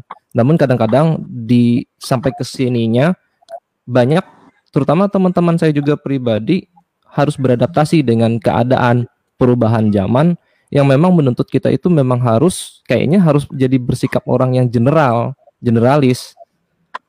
Uh, sehingga hobi itu muncul memang kadang-kadang apakah itu sebatas memang disukai atau memang kecenderungannya nanti bisa menguntungkan. Ulun rasa kalau misalkan kita berpikir itu hobi, tapi jika seandainya dalam hal finansial kita memang belum bisa mampu memenuhi kebutuhan kita, kadang-kadang kita malah cenderung lompat ke hobi yang memang lebih ekstrim dari yang zonanya aman kita sekarang. Itu sih, Pak. Oke. Yang lain lagi nih. ini dari psikologi, dari psikologi mungkin menanggapi. Sebelum nanti dari ini pakar psikologi gimana nih? Tadi bicara tentang passion, Mbak Sasa. Uh, Mas Farid mengatakan bahwa ya passion itu sesuatu yang tidak bisa dihubung-hubungkan dengan masalah uang gitu atau hasil hasil dalam berupa materi gitu ya. Artinya ketika seseorang itu menyenangi passionnya, menyenangi hobinya yang dia kerjakan, bisa jadi ada kesenangan yang jauh di luar dari eh, apa yang tadi dia dapatkan gitu, selain dari materi, tapi ada hal yang lain. Kalau dari pandangan psikologi sendiri gimana nih? Oke, Kita harus dengarkan dari. Berarti sebelum jauh melangkah ke sana, Pak, alangkah lebih baiknya kita kenali dulu diri kita sendiri. Karena banyak, masih banyak orang yang belum kenal dengan dirinya sendiri. Nah, ini akan kesulitan ketika belum mengenali diri sendiri, ini akan kesulitan. Bakat dan minat itu kan berbeda. Bakat itu kan potensi yang kita miliki, yang kita miliki sejak kita lahir. Nah, bakat dan minat itu sebenarnya memang harus seimbang. Memiliki potensi, minat kita ke arah mana sih terkait uh, itu di luar konteks ibaratkan kita memiliki bakat yang memang notabene tidak menghasilkan uang. So bagi saya pribadi tidak masalah, tapi kan di sini kita berbicara kan sebenarnya tidak dinilai dari uh, untung sih kita bisa katakan untung dan bersyukur ketika uh, kita memiliki bakat yang memang bisa menunjang kita sendiri, kita bisa menghasilkan uang produktif dari situ. Tapi ketika memang bakatnya masih belum bisa sejalan dengan menghasilkan uang, tapi kita senang kita bahagia itu sudah lebih dari nominal yang didapat sih sebenarnya jadi sebelum jauh ke sana kenali dulu diri sendiri Oke. UMI ya itu Sudi ya Siapa diri? Oke, begitu. Ya, kita santai aja teman-teman. Yang pasti bicara tentang bakat, bicara tentang passion, pasti punya banyak teori teori yang mengukakan ya. E, banyak juga yang mengatakan bahwa ya bakat ketika kita maksimalkan yang tadi terlahir sudah ada dalam diri kita, kita maksimalkan, insya Allah itu akan menjadi e, nilai, mendapatkan nilai yang mungkin lebih jauh lebih besar dibandingkan hanya sekedar materi. Nah, kalau kita bicara tentang passion, bicara tentang bakat, bicara tentang potensi diri, ya itu hampir serupa lah, mirip. Ketika bicara apa sih hobi Anda, apa passion Anda, apa bakat Anda ya, sesuatu yang pada dasarnya unik di tiap orang. Tiap orang itu punya keunikan berbeda-beda. Ada ada sesuatu yang dia senangi, tapi ada juga yang mungkin orang lain nggak senang gitu. Misalnya tadi, Mas Isan senang game, belum tentu kawan-kawan mahasiswa yang lain senang dengan hal itu.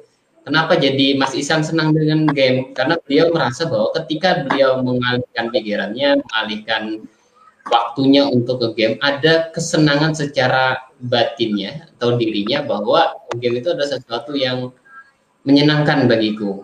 Nah, begitu juga dengan yang lain. Pasti punya passion yang masing-masing.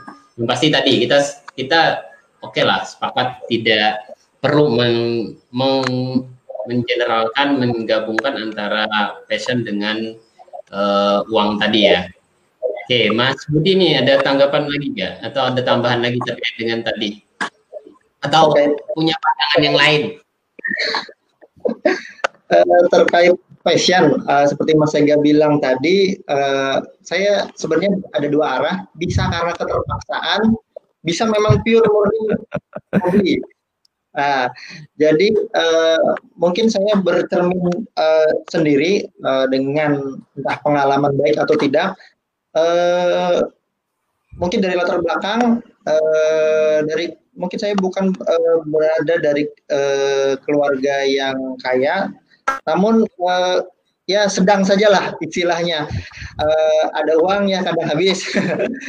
Cuma uh, ya mulai dari dari kecil sampai SMA kuliah uh, tanda kutip tidak kurang tidak lebih tidak kurang tidak lebih. Cuma kalau ingin beli yang lebih itu harus ada usaha.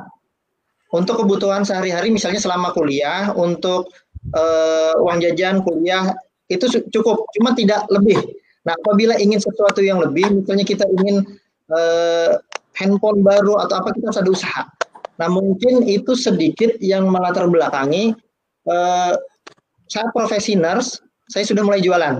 Padahal tanda kutip saya tidak kekurangan saya tidak kekurangan uang untuk uang saku cuma saya merasa senang kalau ada uh, aktivitas yang bisa menghasilkan uang.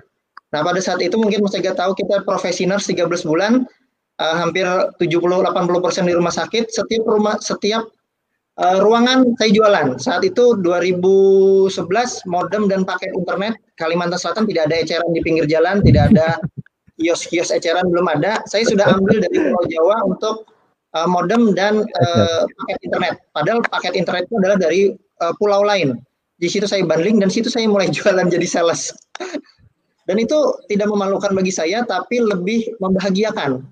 Uh, jadi basicnya saat SD sampai SMA saya orang yang takut berbicara. Pertama saya orang yang takut berbicara. Entah ini mungkin uh, anak psikolog tahu masalah toddler mungkin uh, perkembangan mungkin saya punya masalah perkembangan sampai SMA saya takut berbicara. Nah, kemudian saat SMA, eh, saat kuliah, saya mulai berani berbicara. Saat eh, kuliah dan lulus bekerja, saya mulai ikut bermacam-macam eh, mencoba hobi, meneruskan hobi tadi. Kenangannya, karena ingin memiliki sesuatu yang lebih, saya harus berusaha. Nah, saya berusaha, saya mulai mencoba masuk eh, dari yang MLM, lain-lain, saya coba masuk Nah, sampai pada suatu titik di awalnya saya ingin mendapatkan uh, pure uh, pendapatan. Namun yang pada akhirnya itu menyadarkan saya bahwa petualangan di MLM, ada money game, kemudian insurance dan lain-lain hanyalah sebuah metode untuk pembelajaran diri uh, saya pribadi untuk pengembangan diri mulai dari berbicara melihat oh ini ternyata hanya sebuah manipulasi, mana yang nyata, mana yang manipulasi. Dan pada akhirnya saya merasa nyaman dengan uh, saat ini saya bekerja, saya punya hobi dan mungkin inilah ternyata kembali ke konvensional yaitu jualan konvensional seperti itu. Karena dengan uh, mungkin dengan pekerjaan kita cukup untuk kebutuhan sehari-hari. Namun apabila kita ingin punya vitamin, kita cari hobi yang punya tambahan juga mungkin seperti itu. Uh, ini adalah masalah uang, tidak. Karena ini lebih arah kepuasan tadi. Karena terus terang uh, saya bilang di awal tadi bahwa metode saya lebih ke arah konsultasi dan terlihat sepertinya menarik karena dari Aceh sampai ke timur hampir setiap hari ada inbox masuk tentang konsultasi. Walaupun saya tidak bisa menjualnya karena masalah jarak dan harga. Masalah jarak dan harga. Namun kepuasan saya adalah ketika saya menjelaskan dan saya tahu itu akan membosankan karena pertanyaannya lebih banyak pertanyaan berulang. Laptop apa di bawah 5 juta yang recommended dan jawabannya sebenarnya itu itu saja, tidak ada berubah. Nah, dan uh, sebenarnya saya malas jawab. Kadang ada chat jam 11 malam, 12 malam, tapi kalau tidak saya jawab kepikiran, malah tidak bisa tidur. Jadi kepuasannya bisa menjawab itu walaupun tidak bisa menjualnya.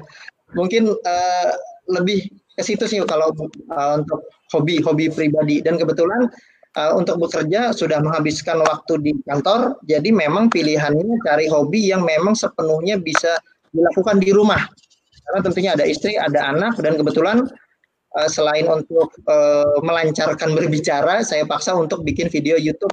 Walaupun saya tahu saya tidak bisa sama sekali mengedit video, saya tidak bisa, saya hanya bisa uh, yang dasar, dan guru saya adalah Mas Farid dan Mas Sega Kadang saya memotong video pun untuk by step saya akan tanya ke Mas Farid. Seterusnya itu akan saya ulang-ulang. Saya tidak bukan orang yang uh, lebih ke bisa menjelajah fitur-fitur. Saya tidak seperti itu. Tidak uh, mungkin expertnya ada Mas Farid dan Mas Sega. Jadi memang ketika sekarang saya fokuskan, saya setuju seperti Mas Tega, saya katakan uh, white and see. Uh, mungkin white tadi saya akan melihat dan si tadi melihat juga uh, secara general saat ini seperti apa. Namun menurut saya uh, untuk Mas Ega ada suatu titik kita akan menuju ke spesifikasinya untuk ke lebih spesifik mana dari semua tadi.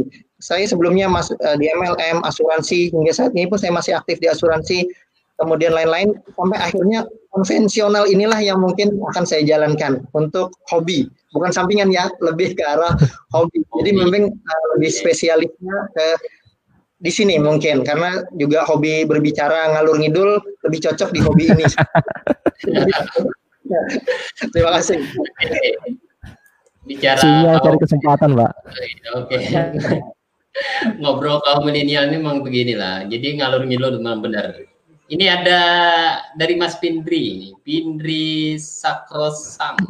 Sakrosang. Ya, gitulah. Kayaknya harus diperjelas dulu definisi hobi, cita-cita dan profesi. Wah, benar, ini benar. Benar ini harus diperjelas dulu definisinya secara teoritis atau non teoritis ini. Tadi juga ada yang menyinggung ya, dari pakar trend mapping apa gitu. ya. Jadi kebetulan masih jadi host, bukan jadi narasumber. Gitu. Oke, okay, yang pasti itu gini uh, kita bicara tentang passion, bicara tentang bakat, bicara tentang minat, ada empat hal yang perlu ditekankan. Ketika seseorang itu melaksanakan aktivitas atau kegiatan yang sifatnya mudah bagi dia dimengerjakan, gitu ya, sangat gampang dia kerjakan dan kalau orang lain kerjakan itu susah. Tapi kalau dia yang ngerjain itu sangat gampang, sangat mudah sekali. Bahkan mungkin berseratus kali lipatnya dibandingkan yang orang lain. Saya contoh ada orang yang senang gambar gitu ya ada orang yang punya minat atau passion menggambar, kemudian ditandingkan dengan orang sama sekali tidak punya passion menggambar, pasti nanti hasilnya akan berbeda. Yang tidak punya passion, tidak punya minat dengan menggambar, dia akan merasa berat menggambar. Bahkan hasilnya pun pasti nggak akan sebagus yang dia punya minat. Jadi yang pertama yang pasti dipastikan, jika kita ingin tahu passion kita apa, hobi kita apa, yang pasti adalah sesuatu yang kita mudah mengerjakannya, gampang yeah. kita kerjakan, dan orang lain itu nggak bisa. Yang berikutnya adalah yang kedua, enjoy. Enjoy itu apa?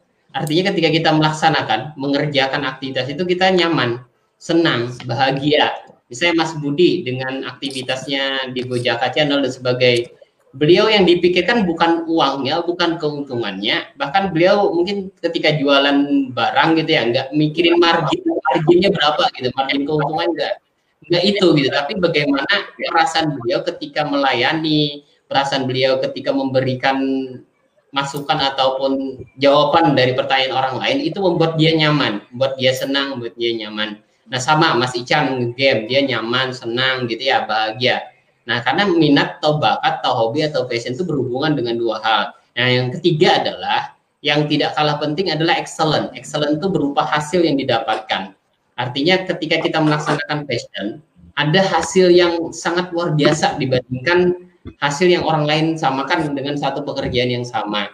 Dan yang terakhir adalah yang paling penting dari tiga hal ini adalah earn. Artinya ketika sesuatu yang kita kerjakan aktivitas yang kita kerjakan itu bermanfaat, maka itulah jati diri kita, itulah bakat kita, itulah passion dalam diri kita. Misalnya hari ini kita bicara di sini di forum ini gitu ya, ada yang senang, ada yang merasa kok nyaman ya gitu ya, ada yang mungkin merasa e, kok agak risih, agak takut, agak gemetar, karena mungkin ketika berbicara di depan orang, berbicara di banyak orang yang lihat itu bukan passionnya, bukan bakatnya. Jadi pada dasarnya apa yang tadi disampaikan teman-teman semuanya insya Allah sama lah uh, dan baik semua dan apa yang disampaikan oleh kawan-kawan juga sangat positif sekali dan ini insya Allah jadi bahan uh, masukan bagi kita kita kaum milenial dan juga kawan-kawan yang sedang menyaksikan uh, agenda kita di siang hari ini.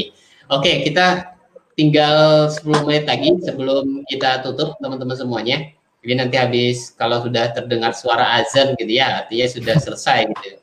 Yang pasti uh, sebelumnya saya sampaikan kepada kawan-kawan yang nonton di FB Live hari ini, siang hari ini, silakan kasihkan masukan dulu terhadap acara kita hari ini. apakah acara ini bermanfaat atau tidak. Kemudian kalau bermanfaat, apa usul usul agenda kami berikutnya gitu ya.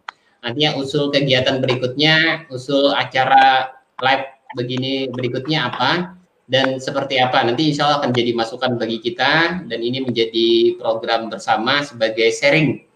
Bukan berarti nanti di forum ini sebagai tempat untuk belajar menggurui gitu ya tapi kita ingin berbagi pengalaman karena yang pada kesempatan pertama ini kebetulan yang kita hadirkan adalah kawan-kawan yang alumni dan juga mahasiswa.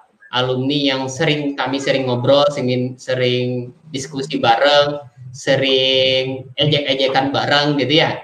Dan bahkan sering banyak cerita bareng gitu, makan bareng, diskusi bareng dan sebagainya. Oke, terakhir mungkin ini mendengarkan tanggapan dari kawan-kawan milenial uh, tadi sempat tersinggung di komen gitu ya. Ada yang bicara tentang konspirasi. Mungkin mungkin kawan-kawan milenial juga punya pandangan yang unik lah terkait dengan kondisi wabah kita saat ini gitu ya. Apakah ini memang benar-benar ada hubungannya dengan teori konspirasi atau teori apa gitu ya? Yang pasti teman-teman yang sering baca-baca sering apalagi tadi kaum bumi datar kaum kaum planet Mas pasti punya banyak referensi yang bisa menjadi uh, bahan untuk didiskusikan kita pada hari ini. Oke silakan mungkin dari kawan-kawan nih tanggapan dari kaum milenial terhadap ini kondisi tadi. Silakan siapa bebas tidak disuruh izinkan gitu ya. Ya, siapa? Mas Budi, Mas Budi ini, eh, Mas Budi. Ya, benar. paham ini ya dari uh, sudut pandangnya beliau lah. Silakan. Uh, baik. Uh, saya juga membaca tadi komenan di Facebook itu uh, bagaimana membicarakan masalah konspirasi, masalah uh, katanya terkait juga pandemi dan lain-lain. Uh, bagi saya itu menarik untuk dibahas, tapi harus ada batasan-batasannya. Yang pertama yaitu uh, kita harus sadar bahwa apa yang kita tonton, apa yang kita lihat itu adalah sebagai bahan referensi.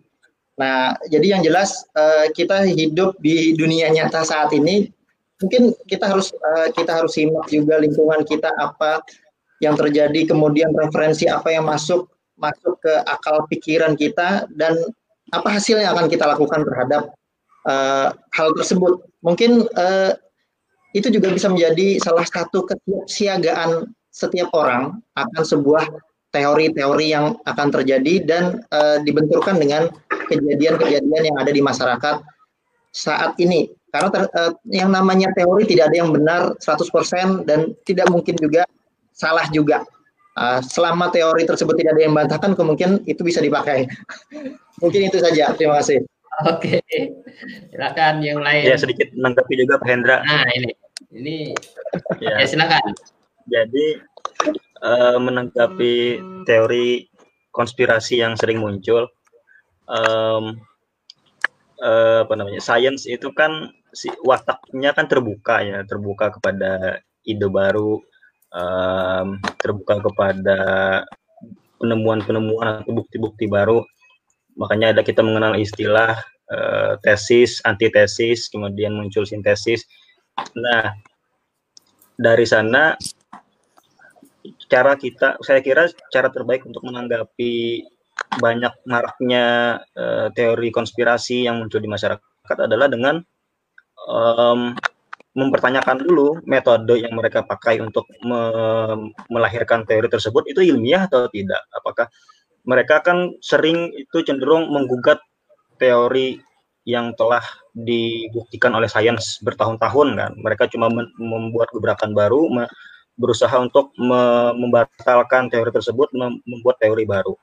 Nah, ada langkah baiknya kita tanyakan dulu apakah metode yang mereka pakai dalam rangka menemukan teori tersebut dan mengcancel teori yang ada itu cukup ilmiah atau tidak. Kalau ternyata teori yang mereka pakai hanyalah cocokologi dan lain sebagainya, maka saya kira tidak tidak perlu ditanggapi lebih jauh. Intinya ada hiburan data, ya, data valid ya, data yang valid yang benar terbukti secara ilmiah dan bisa dibuktikan kebenarannya. Ya, dari sudut pandang ilmu gaib ya. silakan. Ini ahli ahli nujum mungkin. Ahli nujum ilmu gaib. Silakan Mas Ega.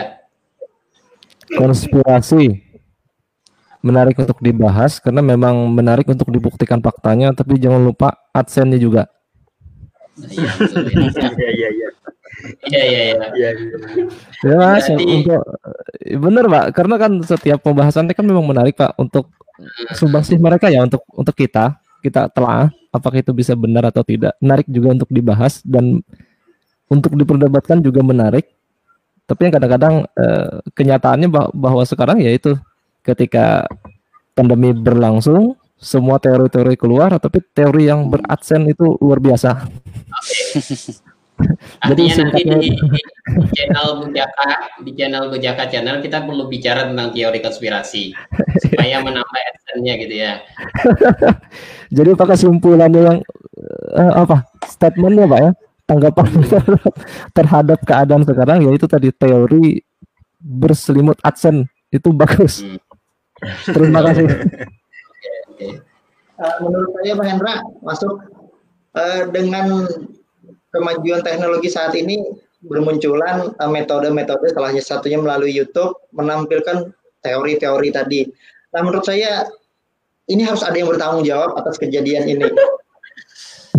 yang bertanggung jawab hal ini adalah apakah itu berbentuk sebuah organisasi ataupun di bawah kominfo sekalipun eh, bukan dalam artian dia mengangkat teori-teori tersebut eh, namun ada ada sebuah pihak yang bisa bertanggung jawab. Teori tersebut muncul karena tidak ada ketidakjelasan sebuah informasi. Terutama masalah pandemi ini sampai saat ini semuanya masih kira-kira kira-kira semuanya. Jadi memang harus ada sebuah pihak yang bertanggung jawab memperjelas kepada masyarakat akan sebuah masalah ataupun teori sehingga teori-teori yang lain pun mungkin bisa sebagai angin lalu ataupun dipilih sebagai yang benar seperti itu mungkin eh, Oke, Hidup adsen lah. adsense ya. Ya silakan AdSense number one, Pak. keluar gitu ya. Kalau pandangan bubuhan gamers nih, Mas Ihsan gimana nih menanggapi? Ya itu sama tadi Pak. Kembali lagi ke seperti seperti hobi-hobi yang dibayar itu sangat menyenangkan Pak. Jadi kan mungkin sebagian orang yang mengempuakan teori konspirasi itu walaupun seperti hanya cocokologi ataupun apa itu dengan adsense yang, yang tinggi atau yang banyak itu menyenangkan sekali Pak. Sepertinya begitu. Rating Benar begitu tinggi. Pak Budi eh, selaku Iya, youtuber begitu ya. Oke. Jadi inti dari pembicaraan kita di sini artinya kan bagaimana caranya kita bisa membuat hobi itu biar dibayar gitu ya Yes. supaya menyenangkan Kayaknya. begitu ya seperti itu. Ini memang milenial memang cara berpikirnya seperti itu. Beda dengan Dan tidak salah tempat pak. tidak salah tempat karena kita bicara dengan kaum milenial gitu. Dan sekarang saat ini memang berusaha adanya kolaborasi antara senior senior kita dengan kaum milenial. Tujuannya satu bahwa eh, supaya yang milenial pun ketika mereka memberikan pendapat, memberikan masukan, memberikan saran dan sebagainya dengan ide-ide kreatif baru mereka itu ke- tidak kebablasan gitu. Begitupun bagi yang kaum senior ketika dia juga tidak bisa lagi menyampaikan ide sesuai dengan zamannya dulu karena sekarang sudah mulai berubah semua sudah berubah kita harus tetap menerima masukan ataupun saran ataupun ide-ide dari kaum-kaum yang milenial karena pada dasarnya dalam sebuah aktivitas pekerjaan pun kolaborasi di antara dua pihak dua generasi atau tiga generasi itu penting karena saling menjaga ya saling menghargai dan saling merem di antara keduanya.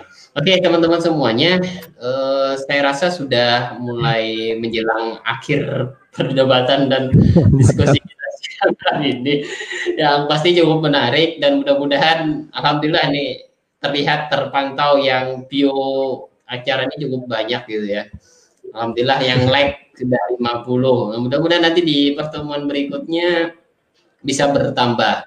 Kita masih terbuka bagi kita sebagai penyelenggara acara untuk diberikan masukan, diberikan saran untuk ke depannya supaya ini bisa lebih bermanfaat lagi dan kami juga membuka secara luas bagi kawan-kawan mahasiswa yang ingin ikut terlibat di kegiatan kita dan silahkan nanti disampaikan kepada tim humas gitu ya tim promosi untuk uh, minta dijadwalkan agenda sharing bareng di forum live seperti ini. Jadi nanti insya Allah selain dari live lewat Facebook, kita juga membuka kesempatan untuk live lewat YouTube ataupun di beberapa akun universitas lainnya. Terakhir, adakah lagi yang lain sebelum kita tutup? Pak Farid kayaknya silakan. Closing statement. Mas, ya, closing statement dari semua narasumber pada siang hari ya, ini. Ya, silakan. Ya.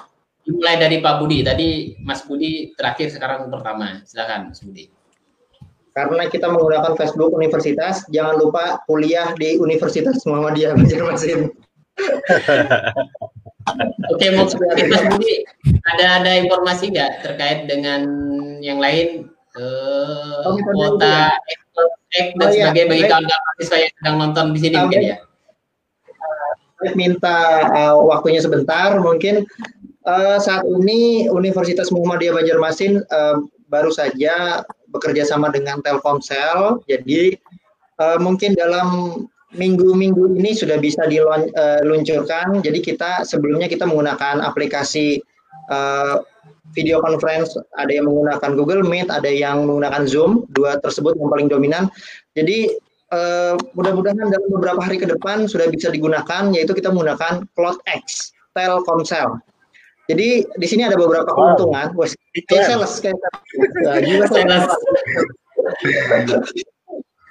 Jadi uh, kenapa kita memilih tersebut konsul tersebut? Pertama, yang pertama uh, kampus memfasilitasi uh, untuk pembelian hostnya, yang mana host tersebut memiliki keuntungan yang pertama uh, tidak ada limit waktu yang diberikan oleh uh, aplikasinya.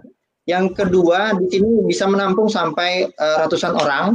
Yang ketiga, bisa meminimalisir penggunaan kuota.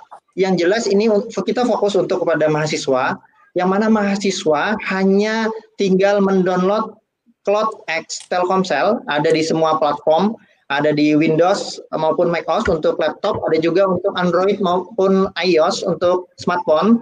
Jadi tinggal download Cloud X Telkomsel nanti ada di beberapa sudah kita bikin tutorialnya di YouTube Universitas Muhammadiyah Banjarmasin. Kemudian setelah di-download, mahasiswa hanya tinggal uh, download, eh bukan download, beli paket Rp10 30 GB. Ingat, Rp10 mendapatkan 30 GB kuota. Jadi ketika dosennya nanti menggunakan uh, Cloud X untuk mengajar, teman-teman mahasiswa tinggal uh, buka Cloud Egg My Telkomsel dan kuotanya sudah dibeli tadi, mahasiswa uh, irit lah untuk biaya kuotanya tidak seperti yang lainnya, yang mana biasanya untuk satu sesi dua jam bisa sampai minimal 1, 2, 3 GB pasti habis. Jadi kalau di sini 10 rupiah insya Allah bisa mengcover lah. Ya tidak bisa dikatakan mengcover juga karena ada metode pembelajarannya. Minimal membantu meringankan beban teman-teman yang sama-sama sebenarnya kita tidak menyenangi keadaan seperti ini saat pandemi ini. Mungkin itu saja. Hari Untuk ya kami akan menggunakan uh, uh, nanti panduan maupun penjelasannya melalui media sosial kita maupun website. Terima okay. kasih. Kabar baik ya bagi kawan-kawan mahasiswa. Insya Allah nanti ke depannya kita akan diberikan fasilitas video conference ya sebenarnya Eh, sepuluh rupiah untuk 30 GB karena ini juga kami mendengarkan masukan dari kawan-kawan mahasiswa, organisasi mahasiswa terkait dengan uh, beban kuota yang dihabiskan ketika proses kuliah online atau daring. Jadi universitas menyikapi sangat baik dan memberikan sedikit peluang bagi kita untuk mengurangi biaya pengeluaran kuota. Oke, silahkan closing statement kepada Mas Farid ini. Silakan. Ini diurutkan dari layar aja nih. Silakan Mas Farid. um, tadi di awal kita diskusi tentang uh, sifat-sifatnya kaum milenial yang yang cenderung adaptif. Um, nah, Pak Sega juga tadi mengatakan bahwa kebetulan sekali di masa milenials ini sedang berjaya, uh, juga sedang terjadi revolusi industri 4.0 seperti yang sekarang kita hadapi. Nah, Um, menurut saya kemajuan teknologi atau terjadinya terjadi munculnya disrupsi ini itu kalau dianalogikan itu seperti sungai dengan arus yang sangat deras dan dengan volume yang semakin bertambah dari hari ke hari. Um, di Netflix itu ada film baru dibintangi oleh Chris Hemsworth, judulnya Extraction. Tadi malam saya nonton. Sudah. Extraction. Udah lewat, lewat. Uh, Chris Hemsworth. Um, dan di film itu ada sebuah kutipan yang masih melekat di pikiran saya sampai sekarang. Dia bilang, "You drown not by falling into a river, but by staying submerged in it.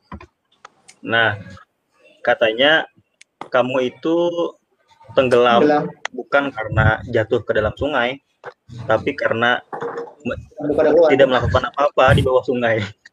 Ketika sudah tenggelam, tidak melakukan apa-apa, itu yang menyebabkan kalian tenggelam, bukan karena jatuhnya. Jadi, uh, analogi tersebut bisa dipakai dengan kondisi sekarang kita tertinggal itu bukan karena adanya disrupsi dari teknologi yang tidak bisa kita ikuti, tapi karena kita terlena di dalam uh, kondisi tersebut. Gitu, Pak. Oke, mantap sekali ini pengamat film ya. Jadi teman-teman kalau mau minta ya, silakan pendapat follow film-film terbaru, silakan follow ig Mas Farid Ma'ruf gitu ya. Oke, selanjutnya Mas Sega. Sega, silakan Mas Sega closing statement ini? Keterbukaan diri. Itu aja, Pak. Jadi harus terbuka ya. Jangan iya. terbuka yang lain, gitu kan? Keterbukaan diri. Semakin haus nih ngomongnya makin dikit. Tanda-tanda ini udah mau hampir berbuka, waktunya mau berbuka. Kadang ah, kadang-kadang yang mempersulit eh, kita untuk diskusi itu karena uh, keterbukaan. Kadang-kadang kita sudah tutup pikiran kita dulu. Jadi ide-ide yang baru itu jadinya hilang. Itu sih, Pak. Hmm. Oke, okay, terima kasih. Lanjut Mas Isan. Ya, saya akan memberikan closing statement dan quotes mungkin, Pak. Oh, luar biasa nih. Ini quotesnya penting perlu dicatat ya atau nanti ditulis ini di komen. Jadi saya lebih menekankan tadi sebagai sisi uh, uh, pembela istilahnya milenial dalam suatu game online. Kemudian saya menekankan di situ ada manajemen waktu gitu ya. Manajemen waktu. Jadi jangan kita lupakan kewajiban, jangan kita lupakan uh, sosial kehidupan sosial kita boleh bermain game asal ada waktu dan batasan tertentu. Kemudian untuk quotes-nya hmm. udah dicatat Pak Budi, udah ya? Siap, udah, siap kami jalan. Oh, iya. Sudah, sudah cukup ya, sudah siap ya. Uh, jadi quotesnya hari ini adalah karena tadi manajemen waktu, uh, sekolah membuat Anda menjadi orang yang pintar. Kemudian lingkungan sekitar Anda akan membuat Anda orang yang bijak. Kemudian orang-orang di sekeliling Anda akan membuat Anda menjadi orang yang hebat. Terima kasih. Demikian. Oke, luar biasa. Kita rehat sejenak. Untuk Ilyas. eh sempat dicatat nggak quote-nya tadi nih? Sekolah membuat Anda menjadi orang yang pintar. Ya. Lingkungan menjadi bijak. Lingkungan, yes. Lingkungan orang membuat kita menjadi bijak terus. Ling, uh, orang, orang di sekeliling kita, membuat kita menjadi orang yang hebat. Wah. Kita menjadi orang yang hebat. Luar biasa. Terima kasih Mas Isan. Selanjutnya terakhir nih dari Ibu. Ibu apa Mbak ya? Mbak aja nih. Mbak Sasa silahkan. Uh, terakhir dari saya, khususnya untuk milenial, tingkatkan rasa simpatinya dalam keadaan kita yang seperti ini karena pada dasarnya pada saat ini itu kita semua perlu bergandengan tangan dan memberikan semangat antara individu satu dengan individu yang lain. Tetaplah menjadi pribadi yang cerdas, untuk generasi milenial jangan pernah takut melakukan sesuatu yang baru, sesuatu yang berbeda karena pada dasarnya kita akan terbentur, terbentur baru terbentuk. Sekian, Pak. Oke, terima kasih luar biasa. Terima kasih kawan-kawan semuanya. Sampai ketemu lagi di, di forum virtual yang lain. di forum online kita yang lain. Insya Allah nanti ke depannya kita bisa tetap bersilaturahim. Terima kasih kepada Sasa, Iksan atas waktunya jauh-jauh dari daerah kabupaten di Kalimantan Selatan yang bisa berhadir di forum ini. Ya, walaupun terbatas sinyal, tapi insya Allah tetap bisa kita simak dengan baik. Kemudian Mas Sega, terima kasih. Mas Farid, terima kasih waktunya dan persiapannya untuk hari ini. Dan Mas Budi, terima kasih. Dan juga pada kawan-kawan yang menyaksikan forum FB kita pada siang hari ini. Saya ucapkan terima kasih. Insya Allah di pertemuan berikutnya kami tetap sekali lagi meminta masukan dari kawan-kawan untuk kebaikan dan untuk keberlangsungan kegiatan-kegiatan seperti ini. Baik, bila itu Assalamualaikum warahmatullahi wabarakatuh. Waalaikumsalam warahmatullahi wabarakatuh.